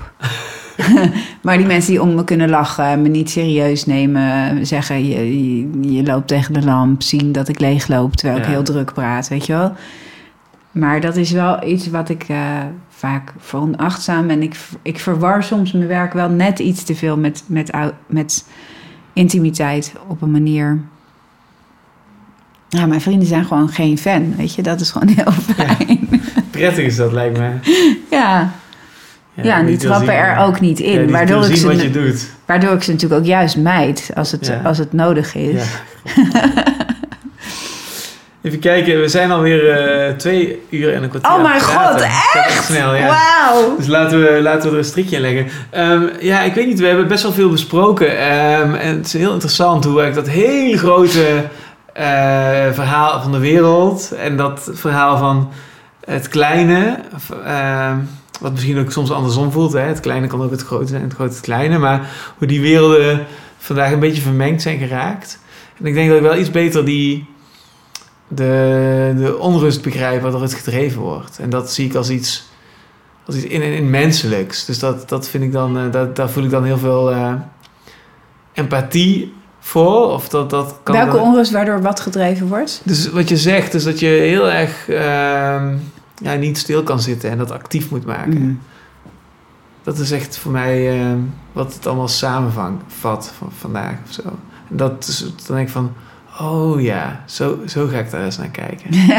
en dat helpt me weer in het zien van mensen in dit conflict. En dat vind ik dan toch weer eh, een vruchtbaar iets of zo. Ah, maar je hebt het ook over die activering van dit, dat leed in Gaza. Of bedoel je het Ja, groter? dus bijvoorbeeld, dus, al, dus gewoon alles, het feit dat ik hier naartoe ga en dit die uitpak, is ook actief. Het Ja, actief maken, het Ja, ritueel van het uitpakken. En, En het activisme wat je ook afleidt van hetgene... Het, het leidt niet af, want je bent er wel zijdelings mee bezig... maar niet zo, boef, ik zit op mijn Ja. bank en het komt... Je, je beweegt er ook een beetje omheen. Ja, precies. Ik vind het wel mooi aan dit gesprek dat er toch wel twee mensen min of meer uit vers- verschillende kampen van het conflict Ja, elkaar troffen hier. ja dat is heel interessant, hè? Dus dan zie je dat dat toch wel... ik dacht weer, het eh, wel van tevoren. Van, ik kon het niet inschatten van jou. Heb jij daarover gedacht? Van aan Ja, welke ik kant dacht zou van, zij staan? jij, jij, zei, door de- jij, zei, jij zei door de telefoon van, oh, dan kan ik misschien wel wat vertellen over Gaza. En ik dacht echt zo van, oh shit. Ah ja, ja, ja. ja ik Ja, kon van, het niet moeten we het inschatten. daarover hebben? En terwijl ik... eh, ja, ik kan het ook niet inschatten. Maar, maar ik vond het wel leuk dat we het gewoon hebben geprobeerd. En dat, het, Ja, dat die poging, dat, dat je dus dat, dat je dat die werelden toch bij elkaar kan brengen ergens. Nou ja, ja, ja. In ieder geval wij. Nou, als wij kunnen uit, wij hè, want uit Wat ik al zei, wij kunnen, we hebben precies gedaan wat ik al benoemde. Wat dus die Palestijnse vriendin van mij niet kan. Ja, Wij konden, deel 2 konden we even over de privé eh, dingen. En dat is natuurlijk een, een verschil. Eh, Ja, met dat is het Mensen ding, die ja. er echt hard in zitten. Die, ik, ik vind jou niet minder eh, leuk of aardig. toen ik ontdekte, ik dacht wel, oh jammer. Want ik had wel zin gehad om lekker samen Ja. het eens te zijn hierover. ja. Maar het is niet, I don't think lesser of you. En ik dacht ook, oh ja, ik vind het ook eigenlijk wel iets voor jou om... Ik denk namelijk dat er toch een element ook zit van... Do, do they think it's Christmas time? Dat zit gewoon iets meer in de, in de eh, pro-Palestijnse. Daar zit volgens mij toch iets wat jij eerder naar kitsch vindt gaan... dan, dan in de positie die je nu inneemt. Dus het zou kunnen, ja. ik dacht, ik vind het toch wel Ja, bij. Ik, ik- dacht, oh ja, natuurlijk is niet natuurlijk. Dat, dan doe ik je geen recht. Maar ik denk wel dat, ja, dat in jouw omgeving en misschien voor jouw gevoel een gratuit pro-Palestijnse eh, sfeer is. Ja, ik ben wel in, de hele... Dus ik vind het eigenlijk he- heftig dat het nu alweer onderdeel van de culture wars wordt, om het even plat te zeggen. hè. Maar Ja. dat die cultuurstrijd zo opleeft, ook hierin weer. En daarin merk ik wel dat ik heel erg ehm, ageer tegen dat cliché van een, een onderdrukker en een onderdrukte. Dat vind ik gewoon een... eh, een eh, alsof je zeg maar een groot boek van Karl Marx afstoft zo. en dan zo, poef, dit is de werkelijkheid. Dat is helemaal niet de werkelijkheid. De werkelijkheid was ook al voor 200 jaar geleden toen Karl Marx dat boek schreef. Het is een manier om naar de wereld te kijken, maar het is niet... Het wordt heel snel, zeg maar, de, onder, de, de bezittende en de niet bezittende klasse in die cultuurstrijd, in die sfeer wordt het heel snel getrokken. En daarin zie ik gewoon heel veel interesse van mij gaat de afgelopen jaren daarna uit. Naar alle misconcepties rondom vanaf de brexit, naar Trump, naar het MeToo-debat, naar de, BLM-protesten, naar COVID, naar al die dingen of zo. En dat nu ook Israël-Palestina in die sfeer getrokken wordt. Is er nog iets wat je graag eh, eh, gezegd wil hebben? Ja, zoveel. Maar Ja, we kunnen oneindig doorgaan. Hè? Dat is altijd Ja. goed. We kunnen, ja, zeg je dat? Ja, misschien. eh, Mijn voorstelling komt uit, hè? In, Ja, ja. in Frascati. Ja, dat moet ik dan zeggen. Of dat is dan een soort. Dan zegt mijn publiciteitsmeisje achteraf: Heb je wel gezegd dat je nieuwe voorstelling uitkomt? Ja, ik weet nog helemaal niet wat het wordt. ehm, omdat ik eigenlijk zo vaak nu dingen in een dag heb gemaakt dat het heel. Ik klap mijn laptop maar steeds niet open. Dus En misschien moet je gewoon gaan naar die dag. En dan gewoon zien wat daar gaat gebeuren. Ik denk het, ja. Ik denk wel, dat wat me heel erg beviel aan die eh, nacht was die open... Ik ben wel een goede open mic eh, host. En zeker, ik merkte opeens... Oh ja, want ik begon met een vrij persoonlijke speech... waarin ik ook wel een niveau van heftigheid aanraak... zoals je je kunt voorstellen. En toen merkte ik opeens... Oh, grappig, ik leg... I set the bar voor hoe heftig het wordt. En eigenlijk iedereen die naar die microfoon komt... die begint daar. Dus mensen Ja. kunnen niet meer... Dus da- daar heb ik wel fantasieën bij. Dat ik daar iets zeg waardoor iedereen die daarna naar de microfoon komt... in ieder geval vanuit die plek moet reageren wat ze verder ook zeggen. Maar ik heb wel een beetje wat jij ook hebt eh, met dit conflict... dat er ook iets in mij verstomd is of verstild is. Ja. Dus dat er ook iets in mij niks wil zeggen. Dus dan kan ik me ook... Ik had ook een voorstelling bedacht waarbij ik niks zei... en allemaal andere manieren had bedacht om... Maar dat is heel conceptueel en dan moet ik heel erg veel voorbereiden. En daar hou ik niet van. Maar de voorstelling heet Heel. Ik vind het een mooie titel. Ja, eh, ja ik, ik, misschien kom ik ook wel kijken. Ja, Leuk. graag. Ik, eh, misschien ben ik er wel bij. Eh, als, het, als mijn schema het toelaat. Hè, want nu er komen, Wat? komt een flinke gezinsuitbreiding. Ja, dat is ook zo. Ja, de telefoon is niet afgegaan. Dus Ze is niet bevallen nog. in ieder geval niet vandaag of niet vanmiddag.